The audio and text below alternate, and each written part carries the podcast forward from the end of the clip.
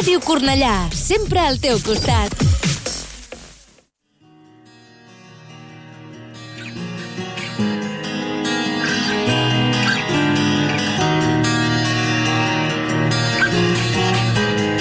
En Radio Cornellá comienza el octavo día. Lo mejor del metal.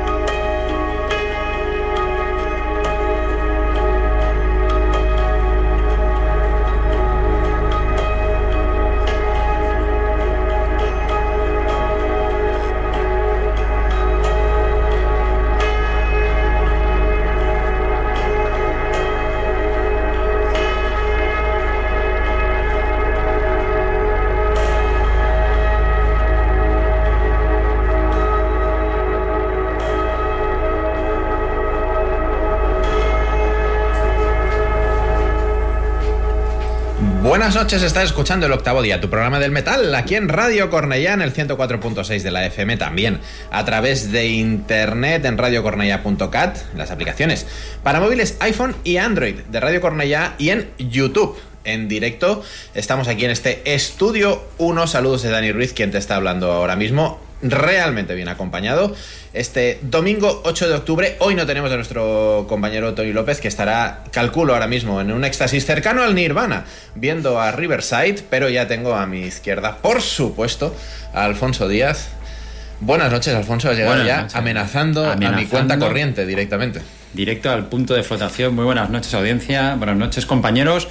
Contento una semana más de estar aquí en las ondas del octavo día en Radio Cornellá, contento de estar con vosotros y muy contento de tener aquí a un compañero que hacía tiempo que no, teníamos sentado en esta mesa. Exactamente. Tengo a mi derecha ya eh, como miembro total y absoluto de esta banda que es el octavo día, como eh, nueva incorporación de este año y por el segundo día, Sergio Sánchez. Buenas noches. Muy buenas noches. Eh, pues nada, un día más aquí, segundo capítulo, segundo episodio ya del octavo día para mí y encantadísimo de, volver a repetir. Fantástico, estamos muy contentos de que te hayas incorporado al equipo. Y como decía Alfonso, ya está aquí, no a mi siniestra, sino a mi diestra, eh, a ese eh, maravilloso colaborador itinerante que vamos a tener, espero, más veces de las que él quiere. Bienvenido de nuevo, Marc Gutiérrez. Buenas noches. Sí, me queréis, me tenéis, lo sabéis. me gusta más lo de siniestra que lo de diestra, ¿eh? por eso. Pero Alfonso. Los galones son los galones. Exactamente. Al haber llegado un poco antes también ayuda a coger sitio. Esto es como joder las sillas, Marc, tendrías que saberlo. Lo bueno es que llega el primero. De todas maneras, Marc, vuelves delante del micro el programa 2 de la temporada. Encantadísimos de tenerte por aquí. Un gusto como siempre y a ver si le damos caña a esto, a ver si hacemos que alguien se gaste el dinero. En las labores de producción y técnicas tenemos aquí Cobelinchón, que nos aguanta cada domingo, aunque no esté delante del micro. Y por supuestísimo a los mandos de la nave. Y empezando hoy de una forma épica como pocas, Xenia Sansarric, buenas noches. Buenas noches, pues sí, hemos empezado con Tesseract, esta banda de Reino Unido, que aunque se formó en 2003, no fue hasta más adelante, el 2011, si no recuerdo mal, cuando editó su debut. Y son uno de los referentes de este denominado, mm, entre comillas, de gent, eh, siempre con permiso de, oh, grandísimos eh, Meshuga, por supuesto, los que los tenemos en el altar y que aparte vienen en directo, si no recuerdo mal, en marzo. ¿Con The Halo Effect? Con The Halo Effect y Mantar.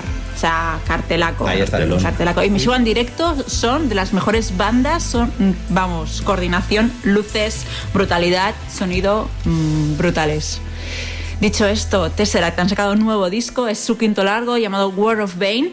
Y, y, la verdad es que el disco, aparte de toda la promoción habitual, viene también con un videojuego que os podéis descargar, bueno, descargar pagando 5 dólares en la plataforma Stream. Ah. Bueno, son 5 dólares. el Age of the Imperial Trial me ha costado lo mismo. O sea, que ya, mi ordenador ya no soportaba el CD eh, de, de, 1990. y también con una novela, el videojuego ha sido diseñado por el cantante, la novela por el bajista. Entonces es, para entrar totalmente en el metaverso de Tesseract, si os gusta la banda. Y la banda sonora del videojuego, por supuesto, es este disco. Ya les habíamos visto en unas facetas más cinemáticas, como en el anterior Sondern, aunque a mí no me gustó tanto como me ha gustado este o como el anterior Polaris. Y bueno, eh, me ha parecido Legion un tema real, por eso lo he escogido para iniciar el programa de hoy y también para reivindicar que tienen un Grammy en su haber, un award por Progressive Music Award for New Blood, que lo ganaron y han estado nominados en los Golden Gods Awards y en los otros Progressive Music Awards for del disco del año. Bueno, o sea, se mueven ahí con la gente que maneja dineritos y se encarga de luego decidir quién gana y quién no gana. Antes de proseguir, como siempre, estamos, como sabéis, he dicho Dani, en directo en YouTube, hasta que YouTube decida que hemos incumplido eh, algún derecho de autor. Eh, esperemos que, esta semana el vídeo esté más disponible más tiempo que la semana pasada. Buscaremos eh, soluciones a esto, pero bueno, dejadnos un poquito que arranquemos la temporada y hagamos prueba-error, ¿no? Un poquito esto. Y en redes sociales, Facebook arroba el octavo día 8, Twitter arroba el octavo día 8, Instagram arroba el octavo día 8, TikTok arroba el octavo día 8, YouTube arroba el octavo día 8, el octavo día arroba gmail.com eh, para enviarnos promos, conciertos, etc, etc. Y, ya está. Radio Cornellá, calle Costa Radio Brava, número Corne- 7, bajos, Sí, Cornellá y y podéis llamar al número de teléfono. Eh, 93-377-8055, si no recuerdo mal. eh, yo aquí tengo 8200. 377-3954. Este es nuevo. Los que Estaba, son estaba los- con Kiko confirmando que fuera el correcto. Digo, a ver si voy a decir el teléfono de alguien y no es el de la radio. Pues esos teléfonos que he dicho yo son vintage. Pues no sí. llaméis a esos. No, llaméis a esos. Que vete a saber. Fantástico. Pues eh, después de este inicio, eh, Alfonso, cumple tu amenaza. Sí, bueno, vamos a empezar a ver amenaza, amenaza. Yo es que hoy venía, sabéis que a mí, aquí cada uno trabajamos de una forma, yo siempre traigo más o menos, pues, preparado a, a grandes rasgos lo que voy a pinchar cada noche. Pero claro, siempre, siempre llega el momento de la sorpresa, ¿no? Cuando ya estás ya en capilla como los toreros a punto de, llegar aquí, dices, ostras, esto, esto tengo que ponerlo sí o sí porque tiene que caer. También porque va a salir en edición limitada, yo he reservado mi copia, con lo cual ya podéis comprar todos, que yo ya tengo la mía, yo lo voy a soltar ahí y el que le guste, pues que lo compre. Eh, soy consciente de que grandes zapatilleros como nuestro amigo Pep no lo van a escuchar ahora porque están también de concierto con Tony, pero yo creo que cuando lo escuche mañana, pues va a caer también. Vamos, estamos hablando de un disco que va a salir a finales de este mes de octubre, concretamente el día 24 de octubre. Estamos, hablando de una banda nacional, creo que también es recalcable decirlo. Todos sabemos que hoy en día vivir de la música es muy difícil para todos los músicos, valga la redundancia, nacionales e internacionales, pero cuando te encuentras con no con personajes, porque cuando dice la palabra personaje parece que esté denigrando un poco, sino con músicos, nunca mejor dicho, que viven la escena, que están metidos a fondo y que llevan más de 20 años metidos en esto de la música. Todos sabemos que cuesta dinero, esfuerzo, pues yo creo que merecen un reconocimiento. Y bueno, nuestro humilde reconocimiento va a ser pinchar aquí. Estamos hablando ni más ni menos que de, ese coloso que se Patillas, seguro que todos os sonará, que ha militado en bandas como Muro, por ejemplo, y de su banda, que ya lleva capitaneando desde hace un montón de años, que son nada más y nada menos que Omission.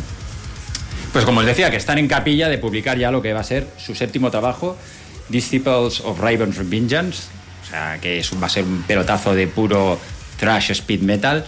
Yo personalmente soy de los que me gusta que toda esta vena espitosa esté recubierta de azufre y si puede ser con aromas satánicos, mejor que mejor. Y yo creo que Omission cumple en esto con creces.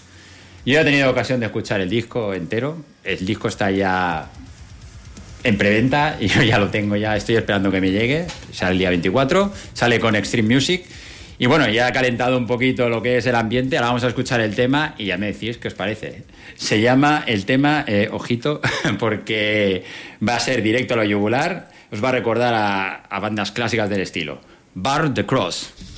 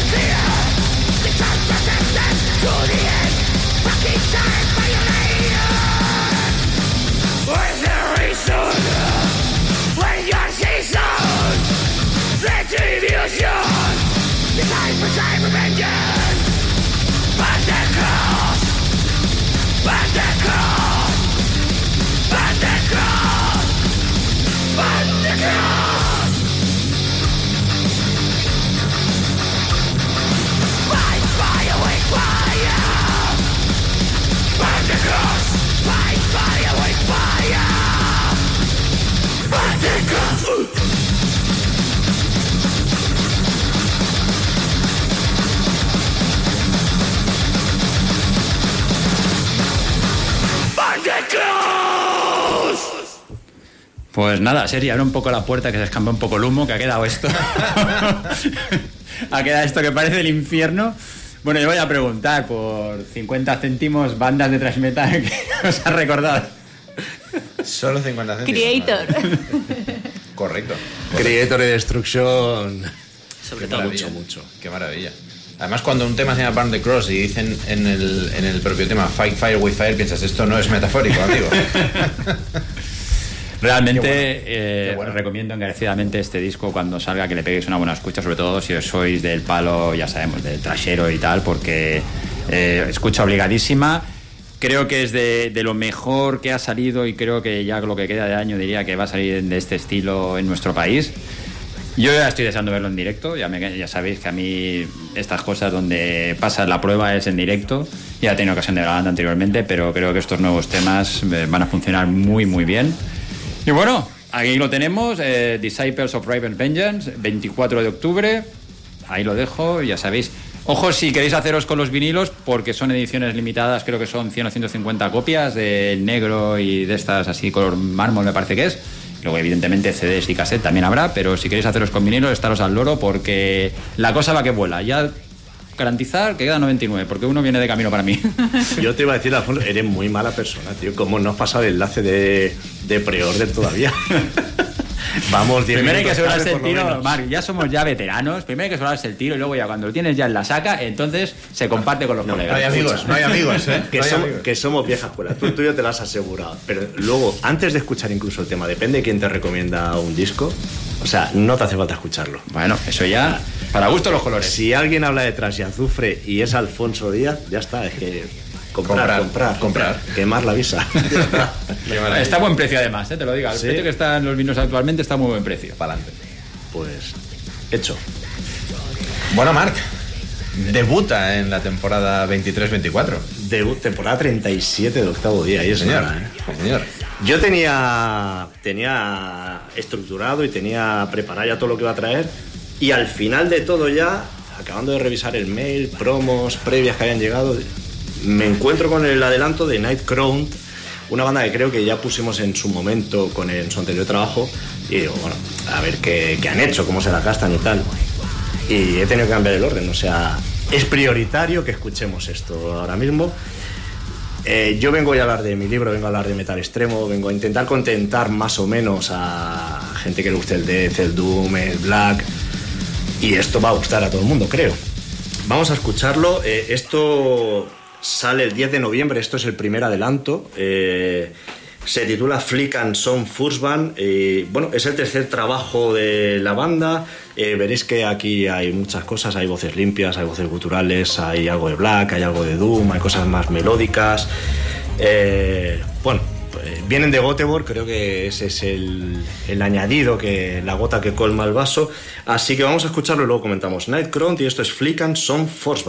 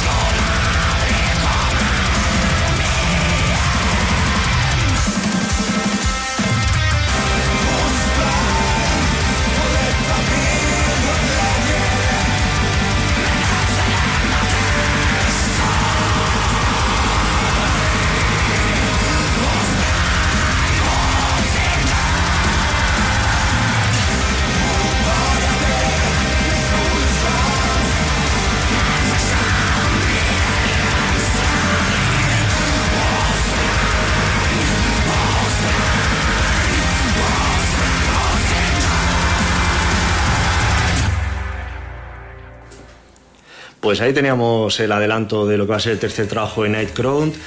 Quiero destacar que lo va a publicar Nobel Demon porque es un sello del que hemos hablado en otras ocasiones, porque si tengo tiempo más adelante pondré otra banda que va a publicar trabajo con ellos en, en unos días y es un sello que bueno, pues trabaja muy bien.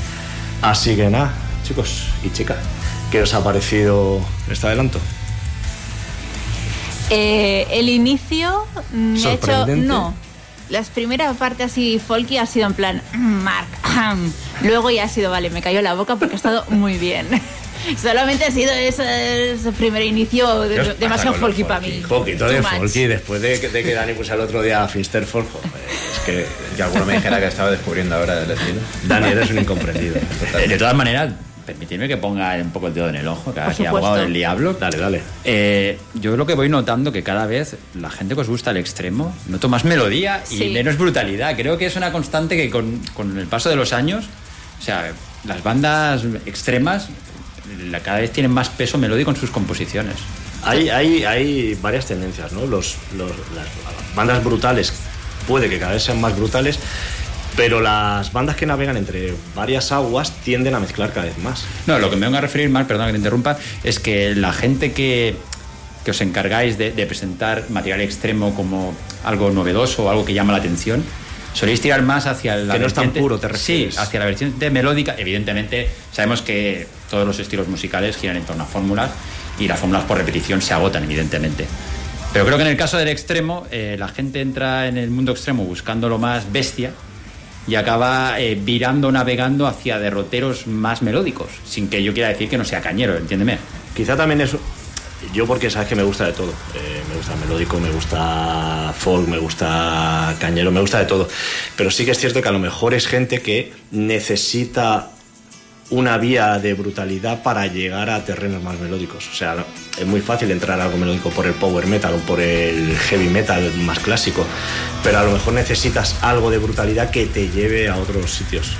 Entonces, bueno, pues a lo mejor el caso de estos Nightcrones eh, se adapta a ello. Pero sí, sí, sí que es verdad que es eh, que al ser estilos menos puros, eh, la gente se acaba moldando a pues eso, acceder a terrenos más melódicos que a lo mejor en un principio pues, no estaban contemplados. Yo tengo otra, otra apreciación, es decir, está la, la gente que va a lo puro y duro de extremo, como puede ser nuestra amiga en común Soraya, no le pongas esto, Exactamente. pero no le va a gustar. Ponle lo nuevo de Dying Fetus, lo nuevo de... Bueno, sí, yo creo que lo nuevo de Cryptopsy también.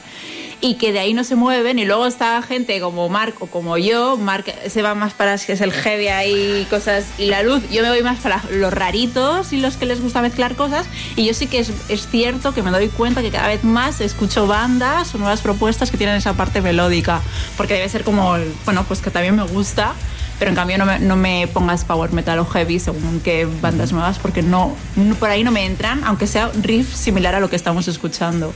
Porque aquí encuentro el equilibrio que, que busco. Entonces creo que hay ese dos, dentro del metal extremo esas dos partes. Los que solamente quiero lo más extremo, brutoide y demás. Y los que, venga, va, sorpréndeme y me dejo, me dejo llevar. Y entonces, girando un poco el argumento, ¿creéis que es más cuestión del oyente o del músico que conforme va ganando una experiencia, evidentemente, eh, gana experiencia, gana conocimiento de su instrumento y también, claro, capacidad para aportar eh, nuevas sonoridades que a lo mejor cuando empezó, cuando no empieza, ¿sabes? Es más brutote y luego, pues claro, tiene que ir eh, pues puliendo un poco su estilo. Yo creo que son de los dos. O sea, que habrá músicos que se queden en la parte más extrema porque ya es lo que les gusta y les va bien. Su evolución es esa. Y otras personas que su evolución es irse para... O sea, creo que tanto el oyente como el músico en este caso puede tener las dos facetas o, o no tenerlas. O quedarse solo en una o ir variando, ir evolucionando. Pero yo creo que sobre todo es cuestión del músico. Porque tú al ¿Sí? final como sí, porque tú al final como músico tú decides qué quieres tocar. Luego el oyente ya decidirá si te quiere escuchar, si quiere escuchar a Nightcrawler o quiere escuchar a Cannibal Corpse. Ya, pero la propuesta está. Pero Cannibal Corpse ahora no podemos hablar igual porque en este nuevo disco que está, oh my god, Eric Rutan. Eh, Hablaremos ha luego de ellos, lo cambio. traigo, ¿eh? No los he traído porque imaginaba que los traerías. Pero ha habido un cambio dentro de Cannibal Corpse, pese a que mantiene toda la esencia de Cannibal, pero hay Pero un porque cambio ellos muy quieren positivo. sonar así, ellos, quieren, ellos buscan brutalidad, yo bajo mi punto de vista. Luego tú decides si quieres escuchar eso o no. Tú como oyente dices Cannibal o Nightcrawler. Eh, ¿Qué escucho? ¿Dónde voy? O le doy a los dos. Le doy a los dos. Pero al final, para tú decantarte, tienes que tener la propuesta delante. Ujú, ¿Qué fue vale. antes, el huevo o la gallina? Vale, ¿Vale? ok, tú, tienes que tener una propuesta y tú tienes, tú tienes- tienes las dos. Puedes comprar uno, tú decides cuál compras. O a quién vas a ver. ¿no? Yo, yo creo que es parte del músico. ¿eh? Al final es una relación de los dos, ¿eh? de- del oyente y del que compone. Pero al final el que inicia esta relación es el músico. Para mí, mi punto de vista. Pero Yo diría que- que Sergi tiene... No, a ver, me parece una buena comparación lo de huevo y la gallina, pero eh, sí que es verdad que, al menos bajo mi punto de vista, sí que lo veo bastante más igualado. Al final, eh, si tú quieres seguir creciendo y tienes cierto público, vas a tener que vas a tener que seguirte guiando por lo que les gusta a tu audiencia. eh, si quieres seguir creciendo bajo ese público, ¿no? Al final tú puedes, es tu- si es tu banda, mm, puedes decidir hacer lo que quieras y, ir cambiando de estilos y arrastrando a diferentes públicos. Pero al final hay bandas para, para todos los estilos y oyentes para todas las bandas, así que creo que está bastante más igualado. Hombre, yo creo que está claro que todos sabemos que hay bandas, por ejemplo, si yo llevo una camiseta de Overkill, Sí. todos sabemos cuando pinchamos un disco de Overkill, aunque en algún momento tuvimos alguna cierta duda a finales de los 90 a lo mejor, a principios de los 2000, pero yo creo que hoy en día todo el mundo sabe lo que se va a escuchar cuando pincha un disco de Overkill. Evidentemente no le vamos a pedir que hagan otra cosa que lo que suele hacer Bobby y sus muchachos, está claro. Exacto. Pero yo creo que hay otras formaciones pues que evidentemente eh, están en una búsqueda constante de, de su sonido y sin ir más lejos, una banda que conocemos todos aquí, salvando las distancias, no es extrema, pero Hamlet, por ejemplo, es una banda que se ha ido amoldando a los tiempos, amoldando su sonido. Y ha tenido, y de hecho tiene, ha tenido y tiene su base de, incondicionales que están ahí siempre firmes y saquen lo que saquen, pues lo escuchan, lo aprecian. Evidentemente, unas veces sus giras o el disco, depende del disco que saquen, eh, mueven a más público o menos público. Pero ellos lo dejan ahí, esto es lo que nosotros ofrecemos en el año 2014, 2015, 2018, esta es nuestra propuesta de ahora, que la quiera bien. No, pues que es por el próximo disco o a la próxima invención de nuestro sonido. Yo creo que también es muy loable eso. Sí, y luego hay otras bandas como Septic Flesh que buscan encontrar un nuevo público. Septic lleva mucho tiempo y dicho por ellos mismos que, que quieren llegar a más público y por tanto hacen cosas más accesibles al oído. De a nivel formas, instrumental juegan con eso.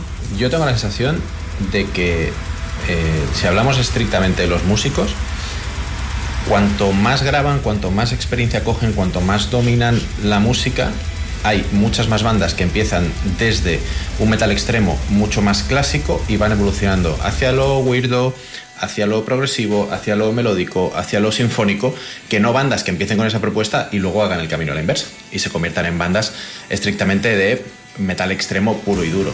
Y eh, pienso, por ejemplo, en Anathema, que han acabado haciendo directamente pues algo que, que prácticamente no toca el metal ni de forma tangencial. Pero como esas hay muchas, muchas bandas de estas que, eh, si busquéis en Metal Archives, pone Death Metal Early y después ya han empezado a hacer propuestas mucho más complejas. Y creo que es natural, porque tú buscas o tienes una evolución en cualquier ámbito de la vida más hacia lo complejo, lo técnico, conforme vas eh, cogiendo experiencia. Y como eh, oyente, también creo que es un paso más natural. Estoy generalizando, ya sabemos que no se puede generalizar, etcétera, etcétera. Porque en cualquier ámbito de la vida, cuando uno tiene 15, 16, 17 años o 20, está mucho más polarizado y mucho más extremo Totalmente. que cuando tiene el doble de edad. Entonces, en ese sentido, también me parece coherente que tú, con 16, 17, 18 años, te quieras partir las cervicales eh, con una banda de grindcore y después, pues, oye, mm, Después más a Green como Carnation. yo, las ves desde atrás. Exacto. Ya no te metes en el poco, la ves desde atrás y la disfrutas igual Correcto. sin Y- y romperte ojo, camisetas. Y ni hay que demás. ponderar que uno la sigue viendo, que hay gente que ya no las ve, que se queda en casa viendo la tele. Eso también es muy importante y a veces dice, ah, es que estás atrás. Bueno, ve, pero estás. Pero Sí, creo sí, que es sí. mucho más coherente en la evolución de cualquier persona ir a esa tendencia que no a la contraria. Muchísimas bandas de black o death han ido hacia un terreno mucho más melódico y complejo que no al revés. Y como oyente lo mismo. De todas formas, varios apuntes a las bandas que habéis nombrado. Tanto, creo, bajo mi punto de vista, tanto Hamlet como Septic Flesh no han hecho evoluciones muy abruptas. Eh, han sido evoluciones, eh, Septic Flesh desde el Mystic Places of Dawn o Less of Throne al Grid Mass, por ejemplo, hay una serie de discos entre medio, donde han ido evolucionando su sonido. Hamlet igual, Hamlet del ya no vamos a hablar del peligroso, que, que era un estilo completamente diferente, pero del, del Sanatorio de Muñecos a La puta y el diablo, todos estos discos, Es que- es que- hay una evolución de una porque hay muchos años, claro. Sin embargo, a lo que no le gusta a los fans son los cambios radicales. O sea, eh, una evolución yo creo que cualquier fan te lo puede más o menos comprar, te puede aceptar. Pero os acordaréis, sobre todo Xenia, que a finales de los 90, a principios de los 2000, eh, en el Gothic Doom hubo una revolución de sonido en bandas totémicas, ¿vale? Ni tan siquiera míticas, totémicas. My Bride, Paradise Lost, Anathema, eh, Theater of Tragedy, Crematory, decidieron pasar del Gothic Doom al electrónico.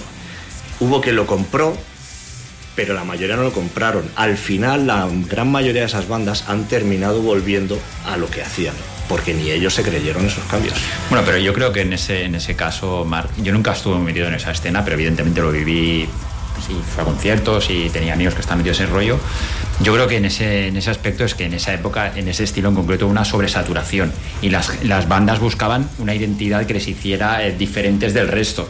¿Qué pasa? Que cuando probaron fortuna en otras cosas y vieron que, que no había, no había, pues tenían que volver a, a, las raíces, a lo que les había puesto en el punto de mira y a ser bandas relevantes dentro de lo que era el negocio del momento. Yo creo que algo diferente a lo que había en ese momento lo buscó Satyricon con el Rebel Extravaganza.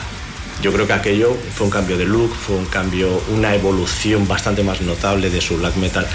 Yo creo que lo que buscaron esas bandas fue la introducción en el mercado electrónico, porque en Alemania eh, la música electrónica y gótica eh, tenía una escena muy muy potente y buscaron abrir mercado, buscaron ampliar mercado. Si te los traía venían de vender 250.000 copias de un disco como Aegis. Y sin embargo se dieron cuenta de que no consiguieron el objetivo consiguieron repercusión, pero no el objetivo que buscaron. Entonces, por eso, por eso digo que al final todo nace del músico y luego el fan decide qué sí, qué no, o qué cuándo. El cuándo es importante también, porque a lo mejor ahora 25 años después escuchas esos discos y los puedes llegar a entender, y en el momento no. Pero por eso te digo, lo del cuándo es importante, porque todos sabemos que en ese momento, aparte de esa saturación, la etiqueta metal era una, una etiqueta que estaba totalmente caduca, o sea, era, era, algo que estaba defenestrado en ese Totalmente. momento. Entonces había que buscar algo y pues metemos elementos y no fueron ellos, montones de bandas, no que renegaron, pero que buscaron meter sonoridades de otros estilos para enriquecerlos y para dar un viraje, incluso cambio de look para pregúntale irte... a Doro, por ejemplo, con el Machine to Machine. Por ejemplo, y es que cambiamos un estilo radical. Claro, no, no, o pregúntale a Paradise Lost cuando se desmarcaron, o sea, sí, sí, sí, no te lo podrás con el host. Tío, claro, es que y pero qué pasa, que es que la etiqueta de heavy metal o, o, metal estaba en esos años estaba totalmente denostada, no había, nadie quería las, me acuerdo, recuerdo entrevistas, tú las recordarás, estaba ya medio de comunicación y las bandas huían de decir la palabra metal. Sí, o sea, sí, no, sí, no, sí, hacemos rock duro, eh, rock sin fronteras, no sé lo que quieras. Pero nadie decía metal, porque era una palabra que estaba denostada en esa época. Y todo lo que oliera metal estaba caduco y todo completamente aparcado. Y revistas como Kerrang, por ejemplo, la británica. Sí, sí, sí, claro. Y ya, ya no, tenías nada que oliera a tachas, ni a cuero, ni a nada por el estilo. No, no, no, Vamos, recuerdo todavía una portada del Metal Hammer español con Pearl Jam y ponía Pearl Jam los nuevos Iron Maiden flipante, ¿eh? No recuerdo el año, no recuerdo en qué momento fue, pero... ¿Y no recuerdas al autor? Eh, pues no, Pues pero sí. sí, teniendo en cuenta que aquello... Sería Joan era Singla, seguramente. Sería Joan Singla, Pues, seguramente. o era traducción o era producción propia. Pero si te ibas a, a revistas británicas, Hit Parade y todo esto, era no había nada que se pareciera a grupos de metal. Totalmente. Hemos enlazado ahí dos debates, Desde luego. que nos dan para tres programas. ¿eh? Tal cual. Pero bueno, lo que no está caduco ni denostado es lo que nos trae Sergi ahora, que es novedad. Además Pues sí, esta sí. semana. Eh, ¿Sabéis lo que pienso para empezar? Eh, y antes de, de pasaros con el tema que he traído para iniciar, que creo que Mark debería venir más. Eh, me ha venido muy bien esta, esta aportación. Ya sabéis que yo, eh, o si no lo sabéis, pues lo empezaréis a ver que soy más clásico. Sería y- este chico hay que subirle el caché. Eh, es que, hombre, hay, hay que hacer un poco la pelota también, ¿no? No, pero ahora en serio, eh, este, esta música extrema a la que no estoy tan acostumbrado, pero que me estoy abriendo de, de- de mente y es necesario, ¿no? Al final, esta, este tema que has pinchado hoy me ha gustado y poco a poco me voy acostumbrando a este estilo que se me hace eh, bastante novedoso y diferente, pero ahora os quiero hacer un cambio de órbita totalmente y nunca mejor dicho, porque hace dos días salió Firestar, el nuevo disco de Iron Savior, y esto es Nothing Is Forever, así que ahora hablamos de él.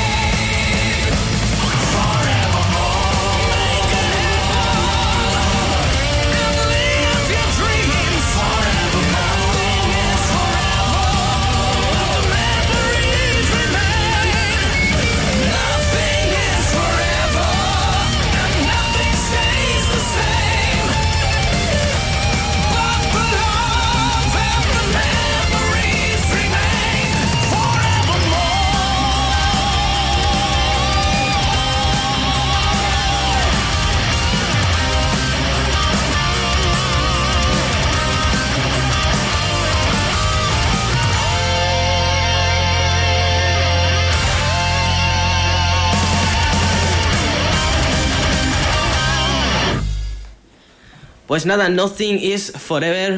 Esto ha sido el tema de, Firestar, el nuevo disco de Iron Savior. Es decir, que ya he tenido oportunidad de darle un par o tres de escuchas enteras a este nuevo álbum de Iron Savior de los alemanes. Power Metal, nada nuevo, al final eh, pues nos vamos repitiendo eh, con esta banda, pero he de decir que me ha sorprendido bastante, a mí personalmente me ha gustado bastante este nuevo trabajo eh, y posiblemente bastante más que, que el anterior, que es Skycrest, así que espero que a vosotros también le deis otra oportunidad. Creo que hay gente en esta misma mesa que no opina lo mismo, pero Esa- ahora lo hablamos. Esa me la ha tirado Sergi directamente, porque no le he dado otra oportunidad al, al disco de, de Iron, de Iron Savior. Un buen disco de heavy metal, seguro. Eh, al final, para mí, la, la música y el metal, especialmente, son una cuestión emocional, no tiene nada que Sí. ver con, con la técnica ni, ni nada más, porque para eso eh, hay que conocer eh, y hay que tener un, un bagaje musical que no tiene mucha gente de la que habla como si lo tuviera. Pero en cualquier caso, eh, lo que me ha pasado con este Firestar es que me, eh, me ha dejado igual. Frío, plano, no, no me ha hecho vibrar, que es una expresión que no me gusta mucho, pero es verdad, no, no me ha hecho vibrar, se- sencillamente se resumiría en eso. Y como estamos en este paradigma que hemos comentado muchas veces aquí en el octavo día, de inmediatez de un volumen de salidas enorme que a veces es un problema porque no te deja a lo mejor volver a este Firestar y decir, venga, le voy a dar otra oportunidad, le voy a dar otra oportunidad de la tranquilidad y me va a enganchar, pues los he puesto en, en la cola del paro. Desgraciadamente, eh, aunque también tengo que decir, en honor a la verdad, que con Iron Savior no vengo conectando desde el de Landing, que me parece que es de 2011. Así que lo tenían un poquito difícil. Y me ha preguntado Mark, coño, ¿y con este tema no? Pues, Claro, pues claro. no, Mark. No, no, y, Vamos a ver, no, y, y no hay nada a nivel racional que yo pueda decir eh, para argumentar que no me ha gustado. Simplemente es que en lo emocional no me ha llegado. Pero escúchame una cosa, vamos a ver. Repiten fórmula más o menos. Bueno, sí. Aproximadamente. Pero, pero a ver, nunca ha sido de mis bandas no. Bueno. Los fetiches ya son otra cosa. No, a ver, voy a, romper una lanza a favor de, de Dani. Eh, la primera vez que lo escuché entero, me dejó algo también indiferente. La primera vez me gustó, pero no me llegó tanto. Pero creo que conforme lo iba escuchando, encontraba ciertos detalles que me han hecho descubrir unos eh, renovados Iron Savior, Ya, podríamos ya me decir. está diciendo Sergi que mañana me voy a tener Tienes, que tienes que hacer deberes, tienes que hacer Venga. deberes, un poquito más. Y si no te gustan, pues bueno, pues ya está, lo dejamos aquí el debate. Pero creo que igual otra escucha le Venga, Sergi mandando deberes. Una Pero hora de tu ¿qué- vida pero- merece. pero- la banda. esto qué es? Y vengo de clases yo, claro. Que sí. Y al segundo programa, ojo al final de temporada. Final de temporada está Sergi en el sitio de Xenia, maldita sea. Venga, va, me comprometo, ya que queda grabado, me comprometo con Sergi a, a escuchar el Firestar de Iron Saber esta semana. Yo me vais a permitir que ponga un poquito de, de cuchara. Evidentemente, no lo voy a esconder, so- soy fan de Iron Savior, no podía ser de otra forma. Es una banda que yo creo que pocos esperábamos cuando empezó como un proyecto que lleve ya 15 discos. Y bueno, aquí tuvimos ocasión de ver los últimos conciertos con todavía con Pei Hansen, creo que fue ¿no? con. Tuvimos ocasión de verlos. Y, y bueno, eh, es, como digo, es heavy metal, power metal, como queráis. Pero yo creo que sí que en estos 15 discos eh, ya la fórmula empieza a ser excesivamente repetitiva. Sí, lo que decía, lo que decía Mark, eh, los temas entran bien, los temas gustan, evidentemente, porque tiene todo lo que siempre nos ha gustado a Iron Savior. Pero hombre, yo creo que despediríamos algo más, ¿no? Un pequeño viraje. No sé, este podía ser eh, el, el disco nuevo, como podía ser el de hace tres discos, como podía ser el, el próximo de aquí a dos, para que me entendáis. O sea, yo creo que se mueve en, un- en un parámetro muy, muy cerrado, la fórmula está muy marcada. Eso sí, también creo que hay que ponderar, hablamos antes de lo difícil que es eh, permanecer tantos años en el mundo de, de la música, pues un señor como Seeg, ¿no? Productor, eh, compositor, cantante, guitarrista. eh, Hecho de creo que es, es una figura realmente relevante dentro de lo que es el metal alemán y lo que es el metal europeo. Creo que es una figura muy, muy destacable. Pero eso no quita que me reafirme mi opinión de que quizás los discos pecan un poco ya de ser Un reiterativos. más planito, ¿no? Sí. Yo, yo sabéis, los que escuchéis el octavo día hace tiempo, que siempre defiendo que no es necesario reinventar la rueda en cada disco, ni que hay que hacer un triple tirabuzón. Pero si no lo haces y, y- y, como dice Alfonso, te encuadras en, en un estilo muy concreto, eh, creo, por lo menos en el heavy metal, ah, que habría que dar algún punch, algo más. Claro, ¿no? pero- pero, Dani, es que Un está- par de himnos ahí en el disco que, que te hagan fijar toda tu atención. Pero no entramos me ha en, pasado en- eso con en la rueda de que estamos diciendo que la fórmula es muy marcada, pero claro, tienes disco 2017, 2019, 2020, 2022, 2023. Claro, es que No te da tiempo a asimilarlo, claro, ¿no? Yo sí creo, antes hablamos de las bandas que evolucionan. Si evoluciona antes la banda o el fan. Tenemos el caso contrario. De las bandas que no evolucionan, evolucionan muy poquito. Iron Savior, eh, ACDC, eh, no sé, podemos hablar de muchas bandas, ¿vale? Si nos vamos al terreno del power metal, podemos hablar de Sabaton, de Power of, los nombres que, que hablamos siempre. Vale. Yo creo que aquí es el fan el que decide si se acerca o no. O sea, ya sabemos que Iron Savior no van a evolucionar. No quieren, no pueden o no saben. Por- pero por lo que sea no evolucionan. Y yo entiendo, a- en el caso como Dani, que desde 2011, 2012 o el año que sea, eh, se haya desconectado de ellos. A mí me ha pasado muchas veces, pero también me ha pasado estar 10, 12, 15 años desconectado de una banda y tarde o temprano, por H o por B, vuelve a, saltar la chispa. Y no han hecho nada diferente. Correcto, He- pero- He sido yo el que, pues a lo mejor por gustos musicales, por, por lo que sea, vuelvo a, pues en este caso a Iron Savior. Pero A- re- a real- CDC, realmente, Mar, perdona, ¿tú crees que, que Pilsil sabe que con esta colección de temas que con- en este Firestar tiene algo nuevo que ofrecer o simplemente No, es una excusa para salir a la carretera y decir No. tengo nuevos temas que presentar, Pero no, presentar el mismo repertorio con tres claro. temas nuevos? No buscará sí. nada nuevo que ofrecer. Claro, tampoco. es- es el que que es tiene eso, público, ¿no? Él tiene claro que no quiere hacer nada diferente, que quiere seguir haciendo lo mismo, se siente cómodo. Lo, Y me parece, me que parece, él- que él me parece respetable, pero yo creo que el problema es que en la gira de 2020 moverá, vale, vamos a tirar por lo bajo y por decir número, a 100 personas. 2021 serán 90, luego serán 70 y va a ir a menos porque si la gente se va cansando también de siempre y sabe lo que va a haber. Y cuando te vaya bien irás o si ese disco Sí, te gusta es que- un tema en concreto, pero al final Va- vamos a, a- Creo que desgraciadamente Pete Silk, o a lo mejor Pete Silk, dedicándose a tantas cosas de toda la música, a lo mejor vive de la música, pero probablemente el resto de sus músicos no. Y no sé quién está ahora mismo metido en Iron Savior, ¿eh? Con lo cual. Se juntan cuatro o cinco amigos, se graban un disco cada año, cada dos años, aunque suena lo mismo, bueno, pues a ellos les está bien. Tocan en los cuatro, cinco, seis festivales eh, veraniegos que puedan tocar en Alemania, y ya no hablo del Wacken, en el que seguramente estén prácticamente siempre. Pero tocan en una serie de festivales más o menos conocidos y bueno, pues eh, al final es lo que ellos buscan. Creo, ¿eh? Es, es la suposición que yo hago. no, eh, evidentemente no, no creo que A más- a estas a- a alturas no pegar un pueden pelotazo. aspirar, O sea, no evidentemente. pueden- ya ni como soporte de Halloween o, o- o de Sabaton o de quien sea, ¿no? ¿no? Creo que ellos aspiran a eso. Que me sale un bolo en un festival en España, me voy. Que me sale un. Yo qué sé, y ese mismo fin de semana me hago otro en Portugal. Bueno, pues oye, pues he echado ahí tres días o cuatro, ¿sabes? Yo, yo creo que al final el- lo que quiera Iron Savior tiene que ser algo parecido a eso. Mi punto de vista. ¿eh? Así es. Eh, ya que estáis debatiendo, también se está debatiendo en nuestro canal de YouTube, que ya sabéis que está, eh, estamos en directo también en Telegram, o sea que podéis acceder en cualquiera de las plataformas que os vengan mejor. Nuestro compi aquí también eh, puntual como Mark David, que también lo, en algún día vendrá, aparte de- del pre, algún día vendrá de esta temporada, decía que se supone que la evolución de las bandas debe depender del mercado, pero depende también de lo capaces que son los integrantes en adentrarse en otros terrenos. Juan Carlos también nos dice que algunos evolucionan porque quieren experimentar cambios y otros lo hacen por acercarse a estilos donde venden más. Bueno, un poco también recoge lo que estábamos por aquí comentando. Así que ya sabéis, si queréis dar vuestra opinión, aprovechad que estamos en estas dos vías, YouTube y Telegram, eh, en directo y disponibles para interactuar con nosotros. Exactamente, exactamente. Eh, y en este caso yo voy a... Uy, Bueno, no, ¿A qué, sí, a qué sí. se debe, Dani? ¿Qué, qué, qué mensaje has recibido? Ninguno, ninguno. Es que voy a someterme a una ordalía.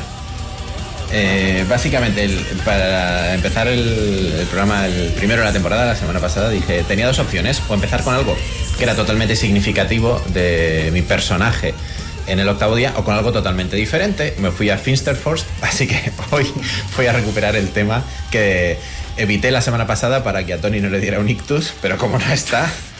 Tony, este es el momento en el que tienes que avanzar cinco minutos a- adelante el, el programa si lo si Voy a llamar a la estás ambulancia. escuchando. Exactamente.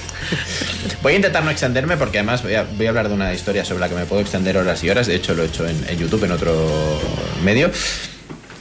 Eh, pero voy a mezclar dos de mis pasiones, el power metal y eh, lo friki, evidentemente. Y de hecho creo que eh, a Mark le va a tocar un poco de retruc, que decimos aquí, de la tangente.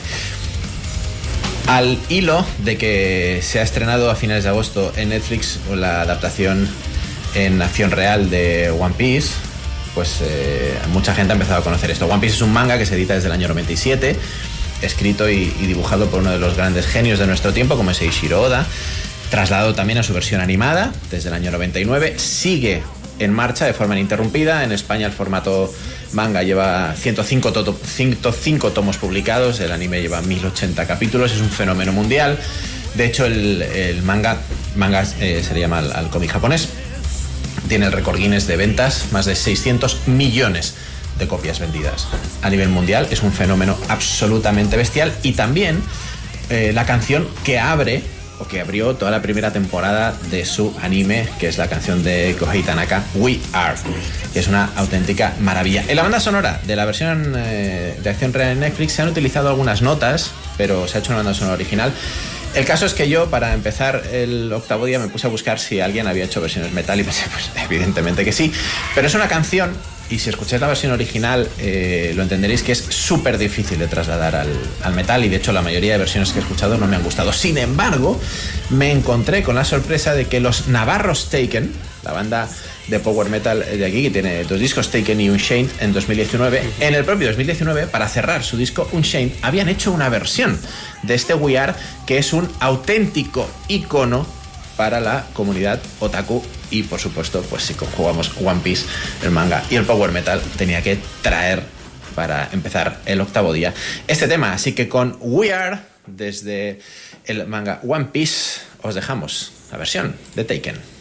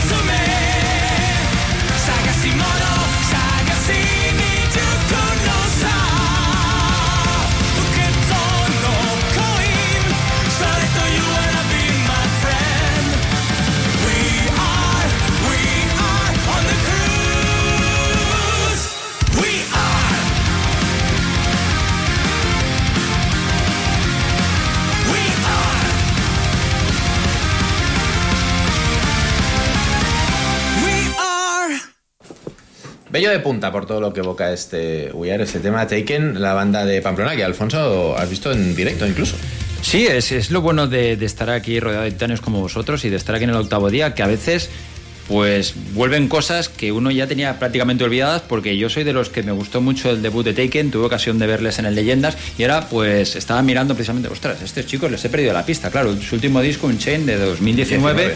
Pandemias mediante de por medio y no sabemos nada de ellos y yo la verdad que me había olvidado entre comillas de ellos porque la actualidad manda, todos lo sabemos.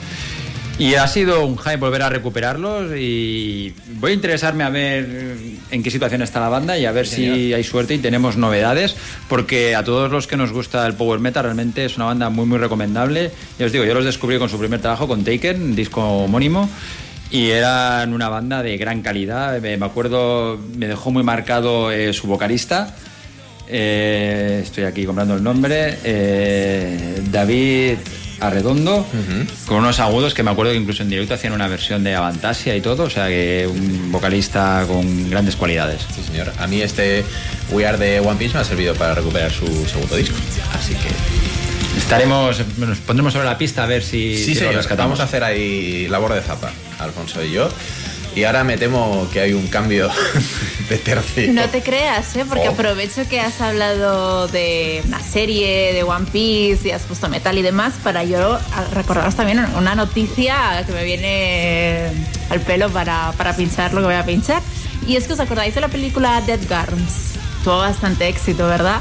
Eh, pues que, sepáis que se ha confirmado una segunda parte. Eh, aún están en proceso de éxito, de, de acabar de grabar y, de, y demás. De hecho, hay un crowdfunding activo para ello, para ayudarle. ¿Y de qué va a ir esta segunda parte? Pues se va a llamar Goremageddon. Eh, continúa la historia que vimos en Dead Garms 10 años después. Eh, con un Brody que está súper deprimido y utiliza un hechizo demoníaco para resucitar a sus compis de banda, recuperar, como no, a la exnovia y ganar la batalla de bandas. Al final es lo que queremos, ganar la batalla de bandas. Y bueno, pues ya os podéis imaginar cómo van a ir los tiros, los sinfín de zombies que vamos a ver. Pero eh, pese al crowdfunding y que aún está todo bastante en proceso, lo que aquí nos importa es la música. Y ya se sabe quién va a ser la persona encargada de realizar la banda sonora. Y es nada más y nada menos que Matthew Kichihifi, conocido por ser cantante y guitarrista de Trivium, eh, que también es muy fan de las películas de terror y así gores y un poquito de humor y demás. Y nada, esa noticia me ha sido para mí la cosa perfecta para recuperar Ibaraki, ese proyecto en solitario de Mati, que el pasado 2022 pues vio la luz eh, Rashomon, el disco debut, donde indagaba ¿no? en esas raíces que tiene de japonesas trasladadas y esas leyendas a, bueno, pues a, a su propuesta. Muy alto en muchos tops de 2022. el Hombre, disco, ¿eh? es que es un disco. No es para menos. ¿eh? es, para, es, un, es un gran disco. Entonces, eh, no voy a pinchar la canción con Ishan, porque la he pinchado muchas veces, no quiero ser pesada, pero sí que voy a pinchar una de las canciones donde colabora nuestro influencer favorito, es decir, Nergal. porque son... Habrá ido al gimnasio. Yo ya hace tiempo que le dejé de seguir porque me saturaba, pero yo creo que habrá ido al gimnasio, se habrá cortado el pelo y se habrá puesto guapo. Pero bueno, es lo que tiene Energal y los vemos, ¿no? Así que aprovecho la excusa de que va- tenemos segunda parte de Death, Scars para recuperar Ibaraki con la canción Akomo. Yes,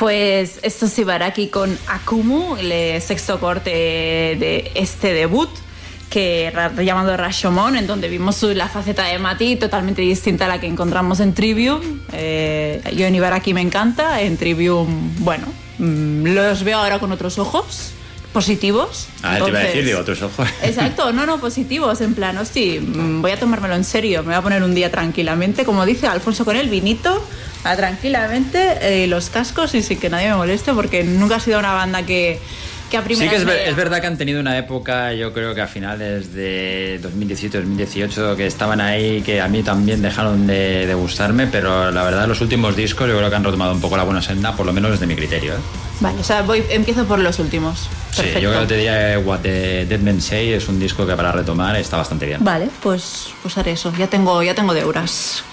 Me los pongo yo a mí misma. ¿Qué nos traes ahora, Alfonso? Pues vamos a cambiar, vamos a cambiar de radicalmente de sonido, de estilo, de todo.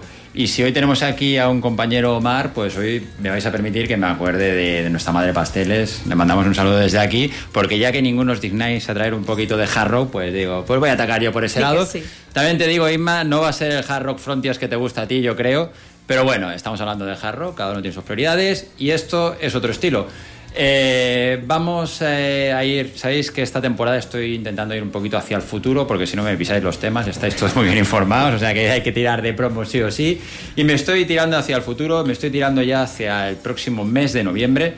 Si bien es verdad, los que tuvisteis ocasión de ir a la última edición del Pirinean, pues creo que ya tuvisteis ocasión de, de degustar alguno de, de los temas que formará parte del nuevo trabajo de los americanos High Spirits que llevará por título Safe on the Other Side.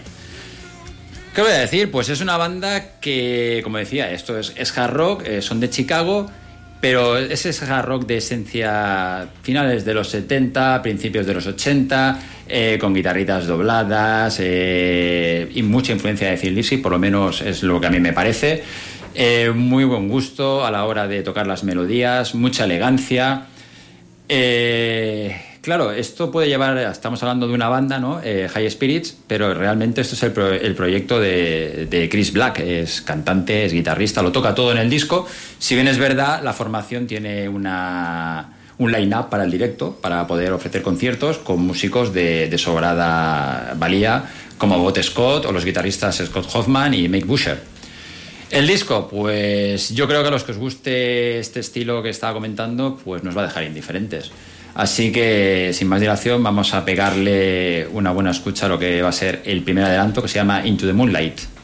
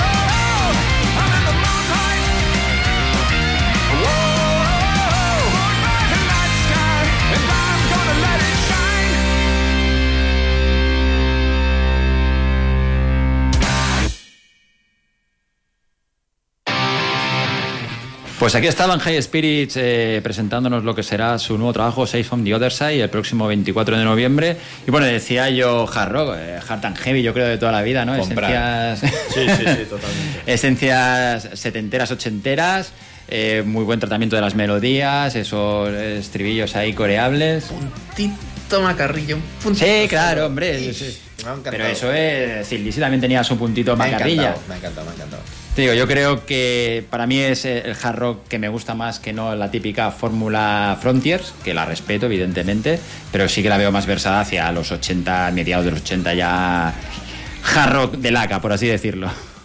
Inma Proofs. Lo ha dejado claro ¿Sí? en Telegram que Inma Proofs. Así Y más ahora que creo que ha estado en Irlanda, ¿no? Y... Sí, Exacto. exacto. Ahí hay muchas raíces, pero curiosamente son americanos, ¿eh? No Sí, sí. tradición Me ha llamado la atención, ¿eh? Sí, sí, porque el sonido es muy británico, Sí, ¿verdad? Sí, muy... sí, sí, sí. ¿Has dicho noviembre, Alfonso? 24 de noviembre me parece que es. Otro pre-order, Dani. Desgraciadamente. Al carrito ya. High Roller Records. ¿Cómo no? High Roller es, Es sinónimo de calidad. ¿eh? Ahí sí, Siempre, sí, ¿eh? sí. Esa apuesta segura siempre. Sí, sí, sí, totalmente. En calidad de ediciones y en bandas, ¿eh? Pues cosas. precisamente decía Alfonso que habían actuado en el Pirinean de, de este año. Ya me dolió perderme el festival, ahora habiendo conocido esta banda, verlos por aquí. Lo que hay que tomar es estar allí, como siempre, en primera fila o, atrás, donde sea, pero hombre, Estamos teniendo una ola ahí de bandas con, eh, con estos High Spirit, eh, con Seven Sisters y demás, de, de revivir un poquito el, el hard rock y tal, no de corte, como decíamos, no de corte eh, frontiers y más melódicos, sino de, de más de raíces. Bueno, pero yo, creo que no es de ahora. Yo creo que cada 4 o 5 años siempre hay como una especie de, de reentré de este sonido, porque al fin y al cabo es la raíz de- del género, ¿no? Entonces no te puedes despegar nunca de, de las raíces.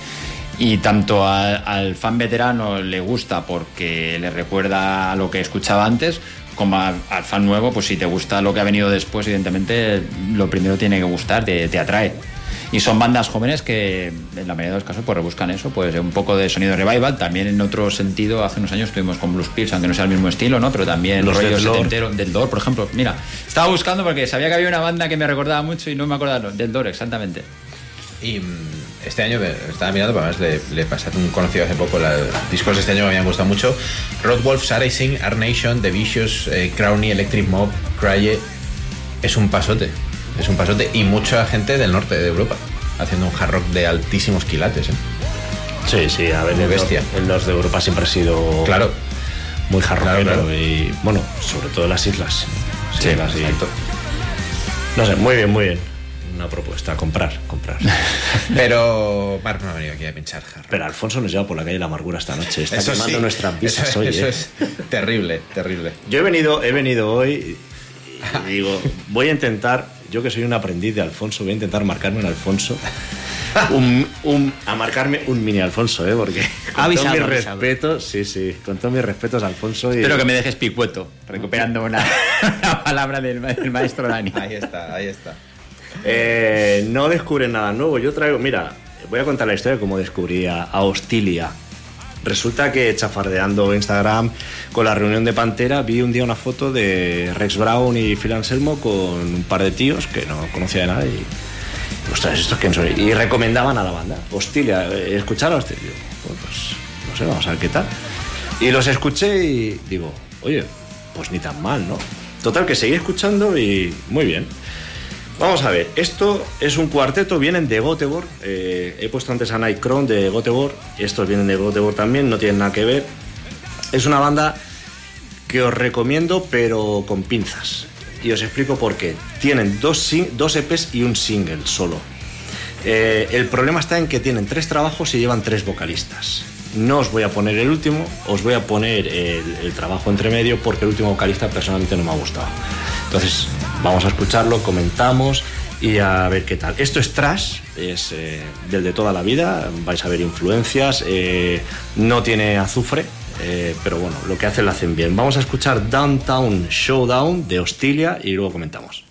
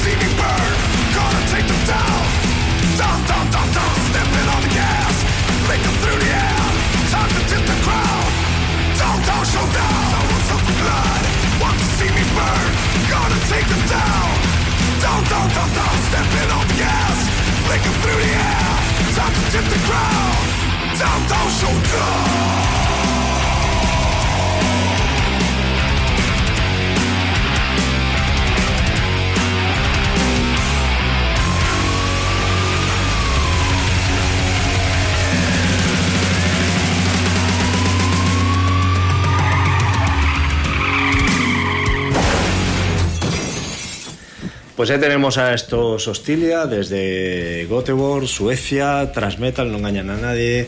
Eh, Alfonso decía antes por 50 céntimos a quien sonaba No Mission. Yo bajo la, la, la apuesta a 10 céntimos.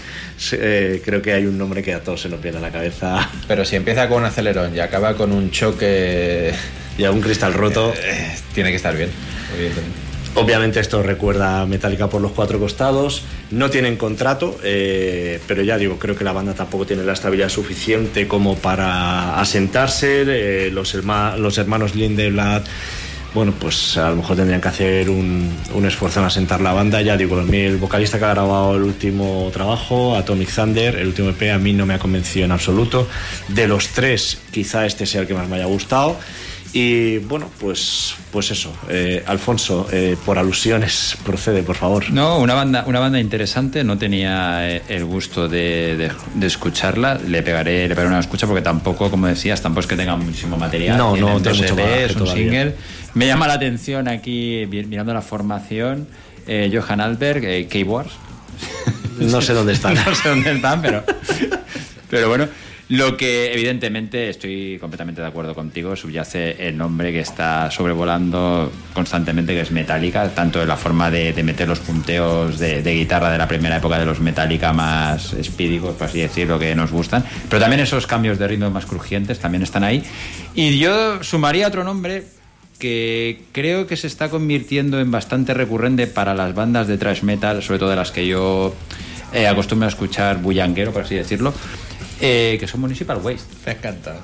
Lo de Bullanguero nos ha gustado. No, pero entiéndeme que son ga- bandas gamberras, Sí, sí, ¿no? sí, sí, sí. Y creo que Municipal Waste es una banda que quizás no se le dio, no se le ha dado la importancia que, que con el tiempo está, está cogiendo, porque creo que ha marcado el sonido de muchas bandas de posterior de 2010, 2015, y creo que hay muchas bandas que se apoyan bastante en lo que es el sonido así brutote, bullanguero, sí, me, me ha gustado el término. Sí, señor. De, de Municipal Waste, ¿no? Así gamberro, sucio. Bueno, fue uno, Municipal Waste fue uno de los grandes nombres del renacer del trash. Sí, pero luego quedaron, un, luego quedaron un poquito y- ahí mm, como aparcados Sí. y creo que, que ahora se está viendo, ¿no? Eh, pues que aquel auge del trash pues es un nombre que creo que está volviendo y no me extrañaría que volvieran a tener un- una revifada, ¿no? Y con su nuevo disco volvieran a estar otra vez ahí arriba.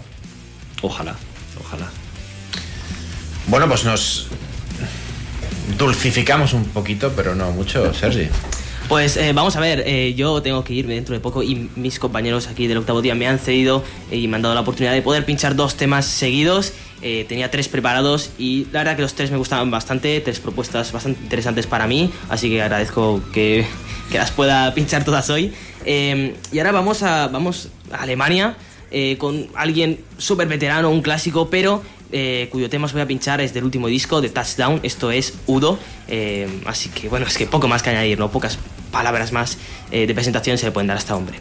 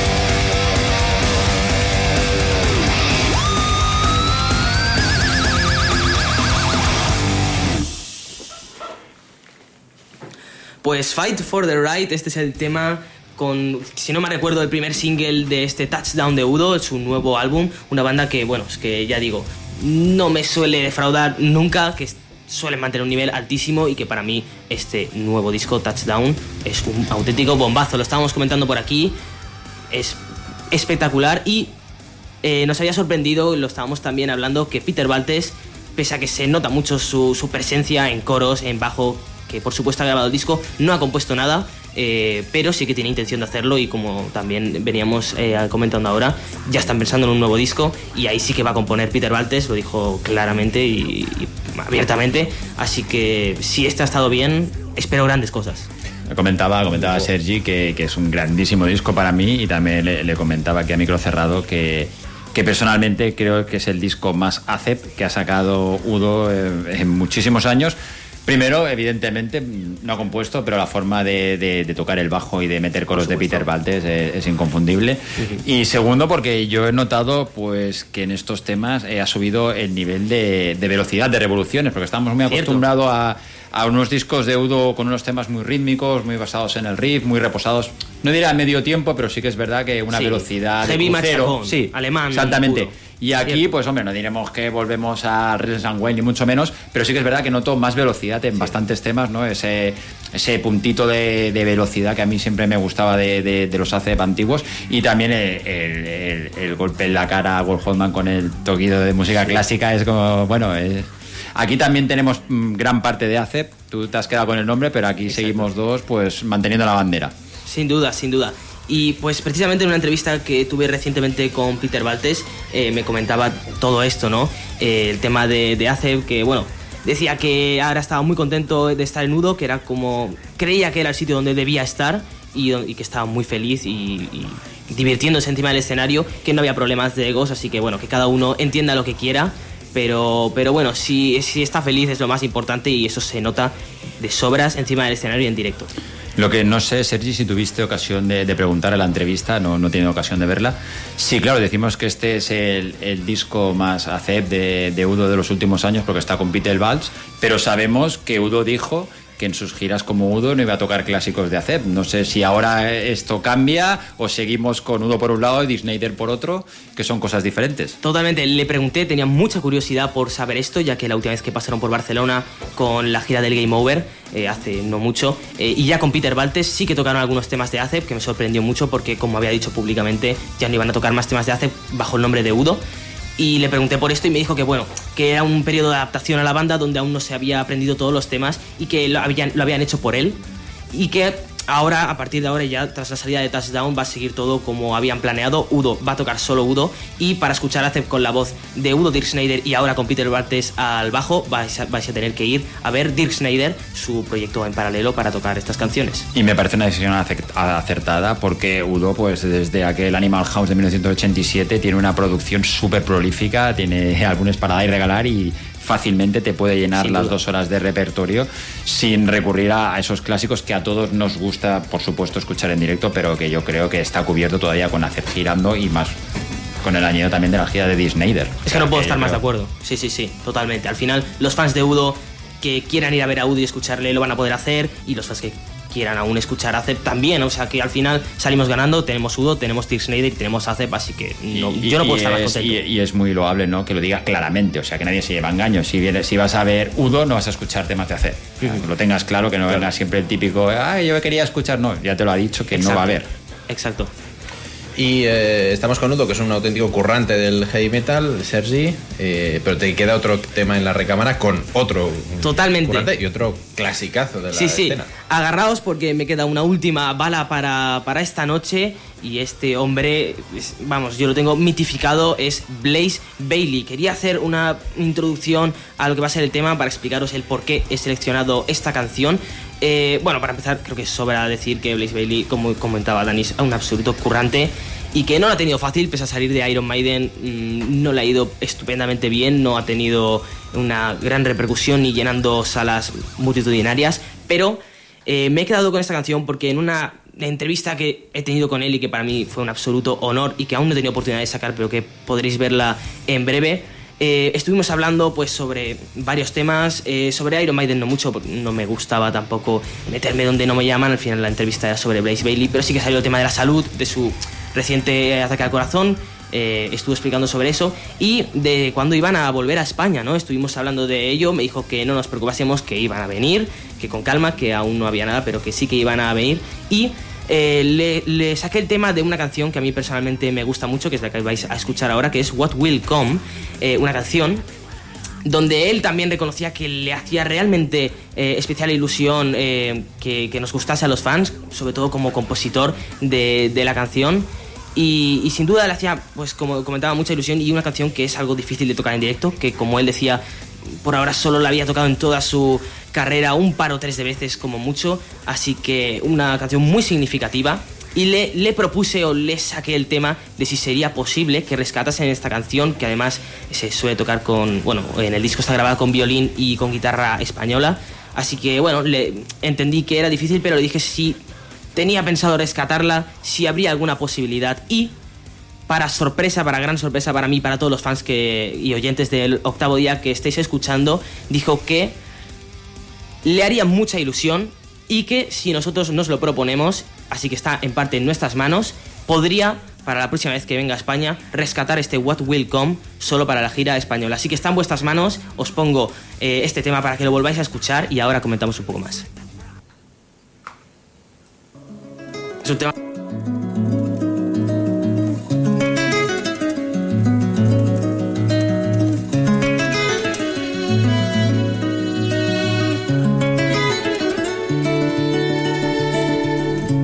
first day comes, I've lost sight of my home.